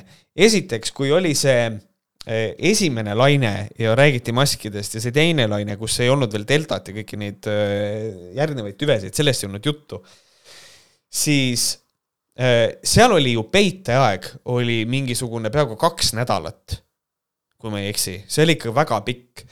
mis tähendab seda, et kui me paneme maski kohustuse praegu peale, siis ei saa järgmine päev olla drastiliselt madalamad nakatumisnumbrid mm. -hmm. vaid seda me näeme statistikas kahe nädala pärast. Äh, kui just ei ole nakatumine toimunud juba nagu enne kuskil mujal, et noh, siin on, siin on nii palju tegureid, millega peab arvestama. et millegipärast arvatakse ka seda, et see mask on sajaprotsendiline kaitse, et noh, see on jällegi, ma olen seda vist, ma ei tea, kaheksa või, või isegi rohkem korda öelnud, et siin on ka see olukord, et ma panen maski ette aga ma puudutan mingit pinda, kuhu mingi maskita inimene on võib-olla köhinud, seal on see viirus, ta on just sinna kak-, kakskümmend sekundit seda, kui ma seda kohta katsun, ma katsun seda oma käega, ma käsi ei desinfitseeri ja siis sügan oma silma ja võib-olla sellest juba piisab, et siin see mask on ainult üks tegur, on ju. ja siin ja, ja eriti see, et aga nakatumine ei vähenenud, vaid suurenes. nüüd on see moment, et ma tahaks öelda, jaa, aga kus, aga kui maske ei oleks olnud, siis kuidas sa saad väita, et see nakatumine oleks suurem olnud? ja see on kõige tugevam argument selle vastu, et maskid, ma olen täiesti veendunud, aitasid, see on üks vahend, ta ei ole, ta ei ole panatsea, aga ma arvan, et nakatumist nad viisid nagu, nad, nad mitte ei viinud nakatumist alla, aga nad hoidsid seda, et nakatumine tõuseks vähem. Need on kaks väga erinevat asja. aga noh, Malle Pärna jaoks ei ole, sellepärast et tema jääb, tema jääb narratiivi. Kui kõik need nakatunud kandsid maske, siis pole neist ju järelikult mingi, midagi kasu. äkki on see maski kohustus hoopis meie tervisele kahjulik, äkki mõjub see pidev läbi riide hingamine ha- halvasti immuunsussüsteemile, kopsudele, südamele, verele, isiksusele või püüab see mask koguni selle viiruse paremini kinni, kui vabalt hingata, kui vabalt hingab nina. Siis see kopsud, süda, veri, isiksus, noh, kopsude südamel, kõige sellega on tegelikult uuringud on olemas. This is not true, need küsimused on püstitatud jällegi lihtsalt niisama meditsiin, tere, meditsiinis kantakse maske, mida iganes. isiksusele ka mask. isiksusele, noh, see endal mingisugune idee fiks on sellega, kui sa paned maski ette, siis sa oled vähem inimene nagu, et noh et siis tekib jälle, et noh, kellel siin tegelikult see väärtus on madal ja see on oh,, mul on koroonapass, et mis siis on madalam väärtus inimesel, kui ta seda ei ole. tema enda jaoks ongi just nimelt maskiga inimesed on tükk sitta tema jaoks. ongi, ta räägib seda et nad on väärtusetud. mm. -hmm. maski kohustus kuulub väga olulise osana inimese, inimliku väärikuse, inimese elava hinge ja vaimu hävitamise vandenõusse. ei, ei kuulu, mis, kuidas see, kuidas see saab kuuluda? maski kohustus kuulub väga olulise osana inimliku väärikuse, inimese elava hinge ja vaimu hävitamise vandenõusse. no räägime sellest, et see on üks suur, vandenõu, ta kirjutab ka just vandenõusse. just, jaa, ma ei karda seda välja öelda, mis tähendab, et nüüd äh,, nüüd ta siis nagu võttis oma visiiri eest ära ja ütles, ma usun vandenõusid, ma olen vandenõuteoreetik ja kõik see häma, mis ta on ajanud, nüüd me saame aru sellest, ta ongi fucking vandenõuteoreetik. jah, ja ta ongi hästi veider, et ta ise nagu hästi häiritud, et öeldakse lamemaalane vandenõuteoreetik, aga nüüd ta ise räägib siin vandenõudest, et see, see on huvitav. president ütles välja, et meil on tegemist ususektiga. ta ju ütles, et tema on vaktsiini usku, ise tunnistas. Ja kui president ja tema ametisse asetatud valitsus on vaktsiini usku, miks siis peavad oota, kas, millist presidenti ta nüüd mõtleb? ta mõtleb äh, Karist. Karist. aga Karis ei asetanud ju seda valitsust. aga see ei ole oluline. see väike detail ilmselt ei ole oluline. ei no rääkima sellest, et ta ütleb seda, et äh, kuna Karis ütleb tema vaktsiini usku, siis ta kohe nagu hakkas ka mingit paska ajama, sest ta, Karis ütles minu loogika järgi, et ma usun vaktsiinidesse, ma olen fucking teadlane. mm. -hmm. aga vaata, mida Mar-, Malle keeras selle enda jaoks, et nagu see on ususekt. ja, ja, nagu tegelikult ka või? jah, tegelikult ka või ütleb? usklik inimene ise, et see on ta? usklik või? minu, ja on, on, on minu teada küll jah. ok, ise tunnistas. Ja kui president ja tema ametisse asetatud valitsus on vaktsiini usku, miks peavad kõik inimesed mööd-, nende usku mööda ennast viirusest kaitsma, ehkki nemad ei, ei ole vaktsiini usku? miks ei või iga inimene elada oma usureeglite järgi? vaktsiin ei ole jumal, vaktsiin on ebajumal, kuldvasikas. kui vaktsiin ei ole jumal, siis ei ole see ka usk, sorry, Malle. see on nii sitt argumentatsioon, et see on naeruväärne et nimetada seda usuks, see on nii naljakas, ta ise räägib seda, mismoodi äh, sõnu kasutatakse valesti ja kõik see keelepuhtus ja kõik see. ja siis ta võtab, hakkab niimoodi selle semantika kallal siin ilkuma nagu lollpea nagu, et oh, vaktsiini usku, siis tegu on ususektiga, kõik, ei. kui, kui Andreas räägib mulle mingit juttu ja ma usun, mida ta räägib, siis kas see tähendab, et ma olen Andrease sektis või? Fuck off, see on nii loll õudne inimene. ja see on küsimus, miks ei või iga inimene elada end oma usureeglite järgi, kas ta siis mõtleb nagu siis nagu see usu, et kui ma olen, et mu aju vajab hapnikku ja. ei no, no mis usud on olemas, on. Oi, neid on palju.. no jaa, aga kui, aga kui minu usk öö, ütleb, et ma tahan neli abikaasat endale, mm. -hmm. Miks ma ei või elada oma usureeglite järgi, aa, Eestis, miks ma ei või, jah? miks, valitsus ei luba? miks? miks on seadus aa, siin on seadus ei, ei, aga mul on oma usk. ja just, et, et see on, see on põhiseadusvastane see usk, hakkame seda juttu rääkima. ja siis ta ütleb, see vaktsiin ei ole jumal äh,, vaktsiin on, on ebajumal, et ikkagi mind häirib nagu see viide, et noh, ebajumal ehk siis äh, see on nagu vale kummardus, aga ta enne räägib, et miks ei võiks inimene oma usu järgi elada, isegi kui see on ebajumal, ka siin on ebakõla sees. Ka maski kohustus öö, kuulub sellesse kuldvasika ususse. see on väline märk, näete, ma allun kuldvasika usule. Lähme edasi. nii. maski kohustus ei ole mõeldud enese ja teiste kaitseks see on ilmselge ja taotluslik inimeste alandamine suukorviga ahvi tasemele anonüümseks karjaloomaks. väärikam on surra inimesena, kui elada loomana, olles ometi inimeseks sündinud. vaata, me oleme rääkinud selles mõttes, et Varro Vooglaiul on võib-olla depressioon, onju. äkki siin on ka? et nüüd hakkab rääkima juba väärikast suremisest see on lihtsalt nii sügav fatalism, et see on, see on, see on õudne, see on tegelikult, see on nagu jaiks, bro.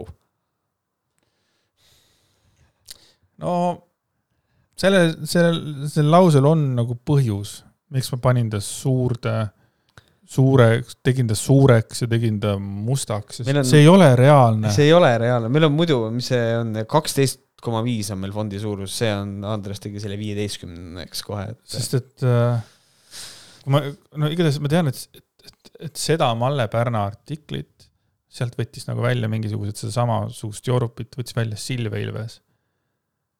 ja, ja, ja Oh, ja, si- ja siis ma nagu, siis oli järjekordne, aa okei okay,, te nagu veel rohkem nagu, nagu paelute läbi ennast, aga siis nagu ma sain aru, et Silve Ilves on veel lollim, kui ma arvasin. ta, ta tsiteerib Malle Pärna päriselt ja tema arvab ka, Anna et- ironically nagu jah, ja tema arvab ka, et see on ilmselge taotluslik inimeste alandamine. nagu saad aru, et siin on, siin, teeme siis näo, et see minu number on õige, et siin on fucking maailmas on või Eestis on kakskümmend viis protsenti inimesi, kes arvabki niimoodi. maski. kohustus on inimeste alandamine. ja me näeme maailma liidreid, kes kannavad maske, me näeme Jah. väga kõrgetel positsioonidel inimesi, mis kannavad maske, kes neid siis alandab tegelikult? rääkimata suukorviga ahvist. mis Mm. värk on suukorviga ahvil? kas, kas sa oled näinud suukorviga ahvi? ma olen näinud suukorviga koera, et oleks inimestel turvalikum, turvalisem liikuda, kui jalutatakse koera või kui politseil on koer olen kaasas. suukorviga inimest näinud, Hannibal Lecterit. ka muudes kontekstides olen näinud, aga et aga suukorviga ahv, jälle see ahv Vaat ka, see on mingi, mingi see, see viha ahvide vastu. ahvimask, suukorviga ahv.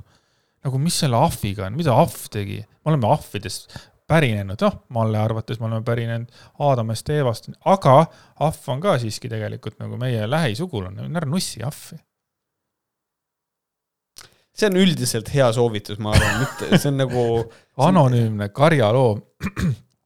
ära nussi ahvi, Andres Jääger. saad aru, me oleme nüüd karjaloomad, kui me paneme a- ahvimaski, kui me paneme maski ette või? ma, ma ei ole karjaloom, ma olen ikkagi Andreas. kas mitte silmad ei ole hingepeegel ja, ja, ja nii edasi, eks ole, et, et, et mask ei võta mul mitte midagi ära. ma, mina kujutan, mina nagu, ma muidugi totaalselt lõõbin praegu, et sellepärast, et, et ma ei taha selle teemaga nagu tegeleda eriti, sest et see on juba nii sünge, aga no vaata, huvitav, kas neil nagu mingit sisetüli ei tule, need, kes ei otsusta, need ei suuda ära otsustada, et üks kontingent ütleb, et on ahvid, teine ütleb, et on lambad. ja siis nad hakkavad omavahel ragistama, kas ta on ahv või lammas ja siis nad on omavahel tülis. saad aru, mul õel äh, just, õel neli lammast poegisid. ja üks, üks käis, tegi neile beebit taha ja nüüd on mul praegu, käisime just täna Melluga leiba andmas kaheksale tallele. kõik on sellised natuke alla nädala, aga need on jumala ägedad, kohe kepslevad ühe päevaga, paneme Mm. jalad all ja panevad hullu, onju. vittu, kui armsad lambad on. on. erakordselt armsad ja vahvid on ka toredad loomad, vittu, jätke mõlemad rahule. jaa, ahvid on, ahvid on tõepoolest toredad loomad. ohtlikud, aga, aga, aga lahedad. nii, jätkame. mis õigus on mingil väikesel grupil öelda, kuidas demokraatliku riigi kodanikud ennast millegi eest kaitsema peavad? igalühel peab olema õigus seda ise otsustada ja ma olen, tead, ma ütlen ausalt, ma olen nõus. ma olen Mallega sada protsenti nõus. Et mingi väike kogus antivaksereid ei peaks vaktsineerivatele inimestele peale lendama, et küll te surete nüüd ära ja aga mitte peale teist doosi, nagu ma ütlesin, tegelikult peale kolmandat, sest ma eksisin, kaardid ei näidanud tol hetkel ja tegelikult mul oli pühendunud ka sada protsenti. et äh, las me ikkagi ise otsustame, mida me oma tervisega teeme ja kuidas me ennast kaitseme, et sellega ma olen Mallega nagu sada protsenti nõus. aga mulle nagu, ma noh, see, mida ta siin aga tegelikult ütleb, on nagu see, et ta millegipärast üritab öelda, et äh, neid vaktsineerida on vähe. kas see statistika valestab, et meil on nagu vaktsineeritud tegelikult ikkagi nagu perse täis? nagu kogu maailmas on vaktsineeritud rohkem kui pool inimkonda, need on, need on vähe jah, davai Malle, kõva, kõva. aga sa äkki saad aru, on ju, et kellest ta räägib, ta räägib ikkagi nagu valitsusest, on ju? jah. jah, ma igaks juhuks küsin, sa lõõpisid, on ju? jaa, ma lõõpisin. never know, vaata. jah igaks juhuks, tead, usalda, aga kontrolli. ja, ja, ja ei, vaata, see on kõik, igasuguses propagandas, Andres, on vaja kahelda ka minu jutus võite kaelda. just. miks ma pean teiste kaitseks kandma maski, miks eeldatakse, et minu hingeõhk mingi, mingi ruumi õhku mürgitab? aga keegi ei eeldagi, et sinu hingeõhk mm -hmm. ruumi õhku mürgitab. asi ei ole sinu hingeõhus. sinu, sinu presence mürgitab. kas sa saad see oli hea nali. aga saad aru, Ando Tõnumaa ütles, et viirus äh, tekib rakusiseliselt ja viirust ei saa edasi anda ja ta räägib seda, ta räägib ja ta räägib ja ta räägib. ma mäletan, seda kunagi rääkinud ka, et siis mingisugune inimene nagu ütles, et äh, see ei ole nii, see on loll jutt, vaata. aga kuskilt Ando Tõnumaa kuulis ja ta ei usu seda laia tarbekauba arste mm, -hmm. vaata. ja ja noh, ja see on ka üks asi, millega Ando Tõnumaa on hakkama saanud, et seda räägitakse ka nüüd. et viirus tekib ainult rakusiseselt ja seda ei saa edasi anda. mul tuli see mhm. meelde lihtsalt praegu selle hinge ja õhu asjaga, et kuidas yeah. minu, nagu selles mõttes, et ma arvan, et Malle Pärn arvabki, et tema selles mõttes hingeõhk ehk siis tema need väljahingav, ma ei tea, mis asi, et see ei saa nagu meid nakatada. sest ma arvan, et tema arvab, kuna ta ütles, et ta on vandenõuteoreetik et viirus tekib ainult rakusiseselt. That's yeah. it. võib-olla küll, jah mm.. ja siis ta küsib siia juurde, et noh, minu hingehk, et see ei ole, miks see õhku peaks mürgitama, kui ma olen täiesti terve. aga kui sa ei ole täiesti terve, selles see point ju oligi. ja ma ju saan aru, ma saan ju ise aru, kui ma haigeks jään, siis ma ei lähe inimeste hulka, ma olen kodus ja ravin ennast tuletame meelde, et koroonal oli peiteaeg kaks nädalat. peiteaeg on nagu Malle Pärnale väikene nagu hästi basic öö, asi, mida nagu põhikoolis õpitakse fucking loodusõpetuses. et viirustel, mis teevad inimese haigeks, neil on vaja peiteaega selle jaoks, et nad saaksid peite ajal ka nagu ühest küljest nagu paljuneda organismis ja et nad saaksid ka levida. toome siia juurde üks, üks parimaid näiteid, mis on, on tuulerõuged võtame tuulerõuged, see on üldiselt tuntud näide. tuulerõuged on nakkavad ammu enne seda, kui tuleb esimene vill. ja sa tunned ennast hästi. see väide, et ma saan ise aru, kui ma haigeks jään, taaskord on täiesti debiilne väide. aga võib-olla tema saab aru. sest et võib-olla see hääl, mis ta peas on, võib-olla ütleb talle, võimalik. ei, ei, aga ma, noh, siin on, et tema võib aru saada.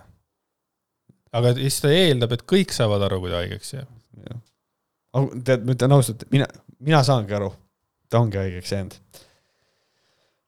Jaa saan..., aga ta ei, ta ei ole kodus ja ta ei ravi ennast ju.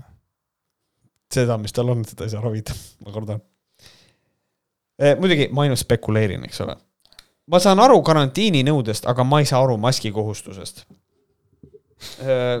Okei, selge, aga karantiininõudest, äh, taaskord siis, kui sa oled lähikontaktne, siis on oht, et sa võid haigeks jääda, aga hea küll. mulle meeldib minu äh, see, mis ma siia olen kirjutanud, aga seda ma ette ei loe ärme loe, jah. mask süvendab inimestevahelist võõrandumist ja usaldamatust. ei, ei, ei, ei süvenda. Pole, pole, pole pannud tähele. ma ei tea, millest ta räägib. Pole, pole pannud tähele. kas mask siis nagu, ahah, okei, ta hakkab kohe rääkima vist, ja, ja. kuni vihkamiseni välja.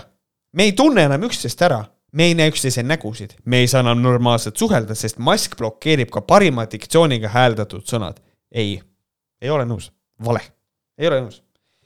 see ongi liberaalide demokraatia alus ja eesmärk, ajada inimesed omavahel tülli, tekitada riigis viha ja usaldamatuse õhkkond, et saaks kehtestada aina uusi ja uusi piiranguid ei pea olema nagu poliittehnoloogiline nagu geenius, et, et esitada üks hästi lihtne küsimus. et aluse eesmärk on ajada inimesed tülli. kuidas see uute piirangute kehtestamisele positiivselt mõjub? just. et kui me ajame inimesed omavahel tülli, et me nagu tahame ainult piirata inimesi. kui me ajame inimesed omavahel tülli ja siis teeme piiranguid, siis meil tuleb revolutsioon. vastupidi, on vaja leida võimalikult palju viise, kuidas nagu koos eksisteerida. aga see ongi, see on nagu, nagu, see on täiesti free floating hostility, siin ei ole enam on mingisugust liberaalide, just liberaalide demokraatia Jaa, see- aluse eesmärk. see on liberaalide. ajada. inimesed omavahel tülli, tekitada riigis viha ja usaldamatuse õhkkond, et saaks kehtida, kehtestada aina uusi ja uusi piiranguid. ma loen, see ei ole nagu esimene kord, kui ma seda loen, vaata, noh, Mm. see on juba kaheksas kord võib-olla, kui ma seda, seda teksti nagu loen. Ja ma ei, ma ei, ma, ma ei, ma ei mõista, Mm -hmm. vaat päriselt ei mõista. no see ongi, sest et see on nii ebaloogiline, et äh, kui me ajame inimesed tülli, siis miks neid piiranguid nagu vaja on lihtsalt ja siis ajame inimesi üha rohkem tülli, et saaks uusi piiranguid. nagu why though, see on nii, see on nii arusaamatu, ta võiks selle paremini nagu, nagu lahti mõtestada. ja või- võib-olla hüppan korra tagasi ka, et inimestevaheline võõrandumine ja usaldamatus on maski tõttu, minu arust oli just niimoodi, et kui oli see suurem, ütleme, nimetame seda selleks lockdown'iks, eks ole, siis kui lockdown ära lõppes, siis isegi läbi maski oli teisi inimesi väga hea ju näha ja ikkagi oli väga positiivne on ikkagi kohtuda tuttava inimesega, mis siis, et tal mask ees on. et see on lihtsalt Malle Pärna mingi isiklik valehäbi, ma arvan tegelikult.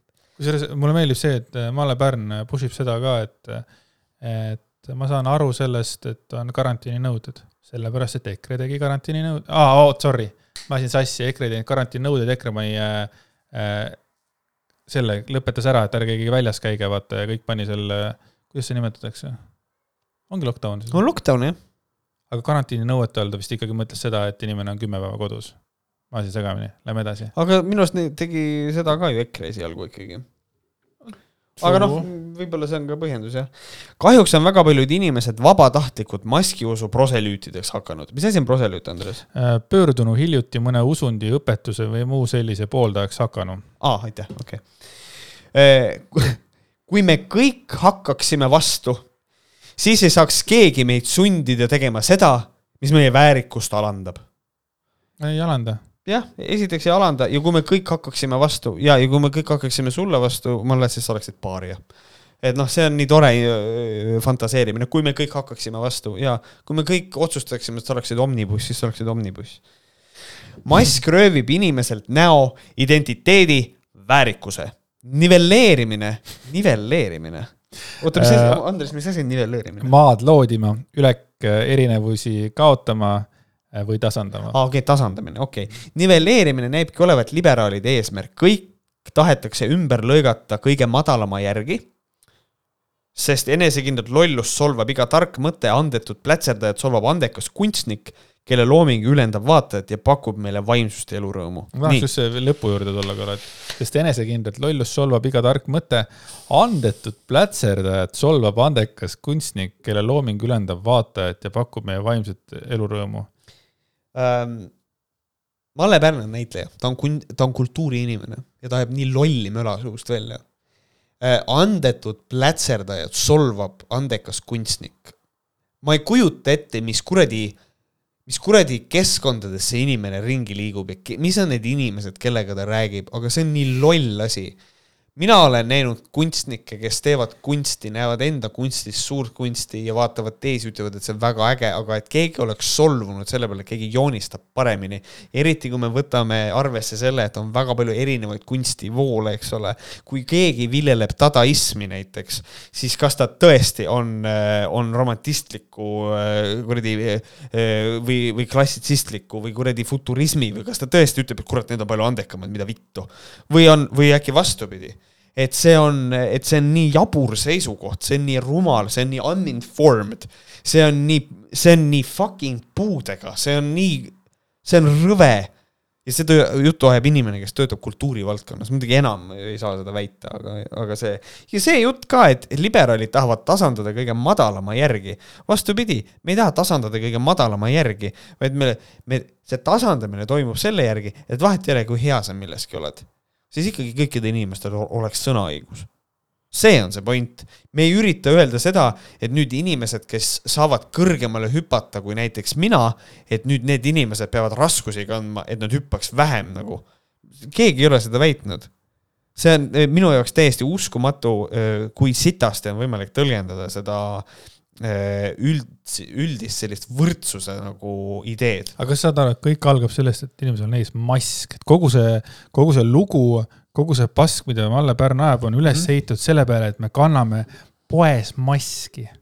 jah, et tegelikult. teeme kõik üheks halliks massiks. just. ja see, ja seda nimetatakse siis nagu tasandamiseks, et liberaalide eesmärk on tasandada inimesed nagu a la, nagu sa ütlesid, nagu üheks halliks massiks mm, -hmm. et äh, jälle ma tahaks öelda, et ei ole ju, kas mitte liberaalid ei ole see, kes just nagu ütlevad, et erinevus rikastab või? aga, aga ainult maski järgi ta nagu ütleb, et kõik tasandatakse üheks ümber lõigata, vaata see, ega see, ega see väljend ei ole ka siia nagu kogemata ju. jaa, muidugi, muidugi. ümber lõigata. ikkagi natukene niisugust äh, tootmisselit ka sisse, jah. Tore on aga see, et rumalusel on kindel sisu ja vormiühtsus. ikka paistab neist sekti käskudest välja valelikkus, mis väljendub vigases keelekasutuses. teha tõhustusdoos. millest seda tuleks teha? kas selle tegemine on igalühel jõukohane, see hakkab mingi semantiline sitt pihta. teha tõhustusdoos, millest seda tuleks teha?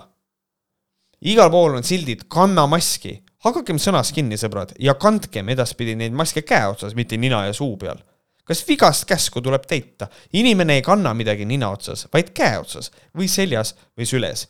inimene kannab nime, kübarat kantakse peas, maski ei kanta näos. pane mask ette, oleks õige öelda erinevalt Male Pärnast on minu abikaasa eesti keele õpetaja. nii et ma ütlen siin täiesti selgelt, vabalt välja, Malle ja vait ja sa ei tea, millest sa räägid. Rääkisid Liisaga? mul ei ole vaja oma naisega isegi sellel teemal rääkida. võttes arvesse, milline on kõnekeel, milline on kirjakeel, Malle lihtsalt ajab suust sitta välja. ma võin oma abikaasa käest selle üle küsida. aga see, see, see lihtsalt ei ole nii, see, see jutt on nii loll, et see on nagu ma olen siia kirjutanud ka, et kogu see argumentatsioon on täielik klounaad semantika üle, intellektuaalsus puudub, äh, keelt armastav inimene, vot see on hea point tegelikult, et kui inimene armastab nii väga keelt ja ta austab keelt, siis ta peaks olema suuteline ikkagi aru saama sellest, et eesti keel ja mis tahes keel ongi vahepeal ebaloogiline, ta on vahepeal väga ebaloogiline ja lisaks sellele on ta ka väga-väga muutuv. et selles mõttes, kui sa tahad keelt nii õudselt armastada siis sa peaksid olema tegelikult ka sellise sõnaloomevõistluse vastu.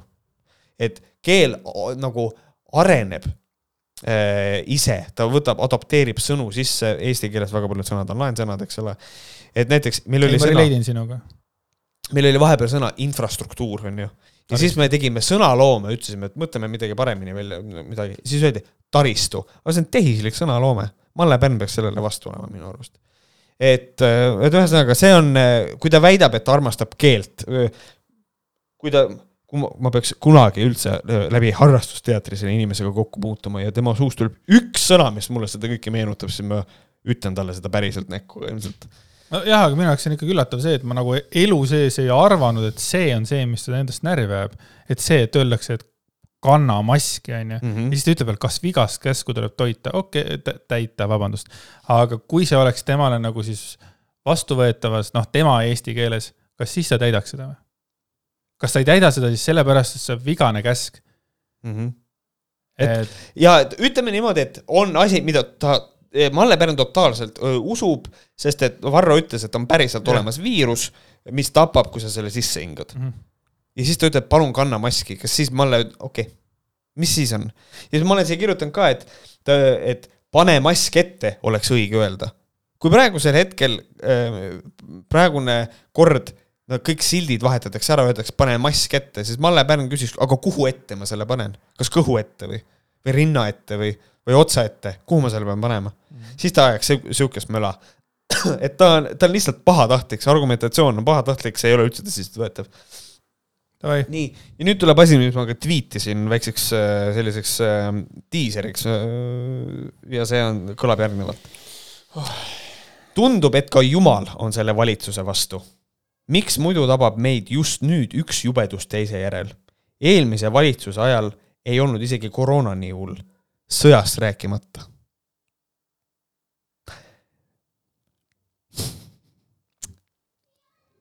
see on ähm, ma olen siia kirjutanud, ma loen need mõtted ikkagi ette, et ähm,, et see on perses, see on, see on täiesti perses, see mõte. et äh, see siin, jälle ma ei taha diagnoosi panna, ma kasutan diagnoosi äh, vabalt, ma ei väida, et tal on see, aga minu jaoks on see psühhoos. see on inimene, kes leiab seda, et Eesti Vabariigi valitsus äh, on otseselt süüdi selles, et meil on globaalne pandeemia Eesti valitsus on süüdi sellepärast, et on Venemaa rünne Ukrainale. jumal on võtnud isiklikult Eesti Vabariigi valitsuse vastu sellise seisu, et on otsustanud maailma perse keerata ähm,. Malle Pärn minu jaoks nagu ainuüksi see lõik näitab, et sellel inimesel ei ole reaalsusega mitte mingisugune kooskõla. ja mul on selline tunne, et ta reaalselt arvab seda, et terve planeet Maa tiirleb ümber Eesti. Kaja Kallase ümber Kaja Kallase. Äh, et Kaja Kallas on nagu see, nagu gloobuse peal see nael, mis on tipus ja siis kõik see keerleb selle ümber nagu, et äh, ja kõige naljakam on see, kas tõesti, kui Kaja Kallas on nagu nii vastuoluline Malle Pärna jaoks, et jumal karistab meid kõiki, miks jumal lihtsalt Kaja Kallasega nii ei tee? kas ta ei saa jagu või? järelikult see jumal ei vääri jumala nime, kui ta äh, ei saa Kaja Kallasest jagu et, ähm, et mul on tegelikult ikkagi nagu, mul on nagu kahju Mallest või, või, nagu mul on nagu, mul on tunne, et tal on vaja mingit tugivõrgustik ümber, kes seda inimest natukene aitaks, sest et see on juba, see läheb üle mingisuguse piiri. ma tahan korra veel lugeda selle ette. Mhm, kõva häälega, et Palun. nagu ikkagi kõik mõistaksid seda. tundub, et ka Jumal on selle valitsuse vastu. miks muidu tabab meid just nüüd üks jubedus teise järel? eelmise valitsuse ajal ei olnud isegi koroona nii hull sõjast rääkimata. Fucking Ukraina sõda on sellepärast, et Jumal ei salli Eesti Vabariigi valitsust. see jah, selles mõttes, et mina olen siia kirjutanud äh, nagu põhimõtteliselt sama, mis sina, ainult et võib-olla veitsa teiste sõnad, teiste sõnadega. niimoodi, noh, niimoodi, niimoodi, et saaks litigeerida, niimoodi on kirjutatud. jaa, aga mulle meeldib tegelikult see, kuidas sa täna ennast väljendad, ma olengi siin proovinud nagu praegu olla võib-olla vaiksem, et mitte nagu kõike seda, mis ma nagu seda mida ma tundsin siis, kui ma seda artiklit läbi töötasin, sa ütlesid väga ilusasti ära, see on psühhoos. ja, ja, ja, ja, ja taas ma, ma ei kuule esimest korda seda juttu, et, et Eesti valitsus on kõiges selles süüdi mm. -hmm. et ka see tuleb nagu samast mingisugusest äh, allikast ja ja, ja siin on nüüd nagu see asi ka, et noh, tihtipeale küsitakse seda Twitteris ka, et aga, aga miks on vaja seda nagu jagada, et miks te nagu sellele kõlapinda juurde annate. aga see on minu arust on oluline nendest asjadest rääkida, me saaksime aru, millised on need inimesed, kes on meil ikkagi ka arvamusliidrid. et millist juttu nad ajavad ja et oleks avalikult informatsioon, et oleks avalik kriitika selle vastu, et nad ei saaks kuskil oma kajakambris oma sitta suust välja ajada. et see on minu arust väga-väga oluline mm.. et ma äh, tegelikult ma mõtlesin selle, selle artikliga, et ma nagu kirjutan, kirjutan sellele vastu artikli ja lasen selle ka kuskil a la Postimehes avaldada midagi äh,. objektiivi. aga tead, äh, Võhkarid on ära võtnud mult isu kirjutada asju, vaid ma tahan neid asju nagu rääkida. sa saad välja selle, jah? ma saan selle välja, kuigi jah, päris palju tuli, tulid minu mõtted sinu mõtetega nagu koos anyway juba välja aga jaa, Võhkarid on ära võtnud minult selle ajakirjaniku, nagu kirjutava ajakirjaniku soone mm.. yeah., saan aru. et see, see on päris nagu veits kahju, aga samas nagu on palju lahedam platvorm jah, aga selle õudse artikliga me tõmbame ka otsad kokku. võib-olla kuulsid, ka eelmises saates rääkisime Malle Pärnast, küll aga see oli patroonhäälingu osa, et kui sul ei ole ligipääsu meie patroonhäälingule, siis see on hästi lihtsasti lahendatav. see on, lähed patreon.com kaldkriips vohkarid ja siis sealt toetuse eest on võimalik pääseda maksumüüri taha, kus kohas on siis Äh, veel rohkem episoode, kus praegusel hetkel, mitu episoodi meil on tehtud? Äh, ma arvan, et äkki on kakskümmend viis. kakskümmend viis ähm, et siis äh, see ah,, jaa, sest et me oleme kahekümnega ees kogu aeg, jah. kakskümmend viis, nelikümmend viis. ehk siis seal on praegusel hetkel kakskümmend viis episoodi, aga siis põhimõtteliselt, kui te olete kõik jõudnud järgi kuulata, siis see tähendab, et iga nädal on episood, mitte üle nädala ehk siis äh, patreon.com äh, vohkarid. Äh, kui tahate muidu kokku meid otsida internetist ülesse, siis Twitteris sina oled Andreas. ma arvan, et me lei-, meid leitakse üles nii, et kirjutad sisse Märt Koik kuhu iganes ja Andres Jääger, et meie ei ole ühegi teise nime oleme olemas jah. just, mina olen olemas ka Youtube'is täpselt samamoodi oma nime all, et äh, leiate meid igalt poolt ülesse. ja vana hea võhkarid.gmail.com, õ on kuus. Saatke meil. kirjutada siis. küsige, meil on kombeks kirju ette lugeda ka mm. -hmm. mõnikord väikese re refereeringuna, kui no meil on tulnud kirju, mis ma tahtsin on... tegelikult öelda, et mõnikord väikese võib-olla natukene hiljem, kui need, aga nad alati jõuavad ja, ikkagi. reeglina, reegli, reeglina jõuavad kõik, mitte sada protsenti, aga. jah, lihtsalt küsimused nagu. kusjuures meile on kirjutatud, öeldud, et kas te Janno kurssis, kas te Janno kursis ka räägite või? et äh, sihuke vend on. Ma olen, paar kirja yeah. olen saanud selle kohta yeah. ja mm. ma tunnistan ausalt, et kui ta kirjutaks rohkem, ma viitsiks sellega rohkem tegeleda ma enam ja. ei viitsi äh, kirjutada neid tekste üles, mida nad räägivad mm. -hmm. sest et äh, te peate aru saama, Andres reaalselt transkribeerib neid asju, mhm. et see on. sest et noh, ma olen idioot ja ma ei oska neid äh, ma ei oska neid äh, autosubtiitrit. jah, kuidagi autosubtiitritega teha, et keegi kunagi üritas seletada, aga ma vist ei võtnud vedu sellega. no, no. ei, ma olen avatud ikkagi tegelikult sellele, et ma õpiks selle kunagi ära vot, aga Andres, suur tänu sulle, et, et saime sinuga koos kannatada, kui on kohe poole kergem. ja me tegime saate pikkuse rekordi. jep, praeguse seisuga küll, aga noh, artikkel on vaja ära lõpetada, kuid suur tänu teile, et te olete olemas meil, et, et te meid kuulate. Oleks automaatselt niimoodi tegema, kui sa hakkasid tegema, saad aru mm? -hmm. ma, ma mõjutan sind aga äh, kohtume tavasaates äh, järgmises, mis on ülejärgmine nädal, kui te olete Patreon või kui teil on plaanis teha Patreoni, siis me juba kohtume üsna varsti, mis on juba järgmine nädal. aga suur tänu teile ja nägemist. tšau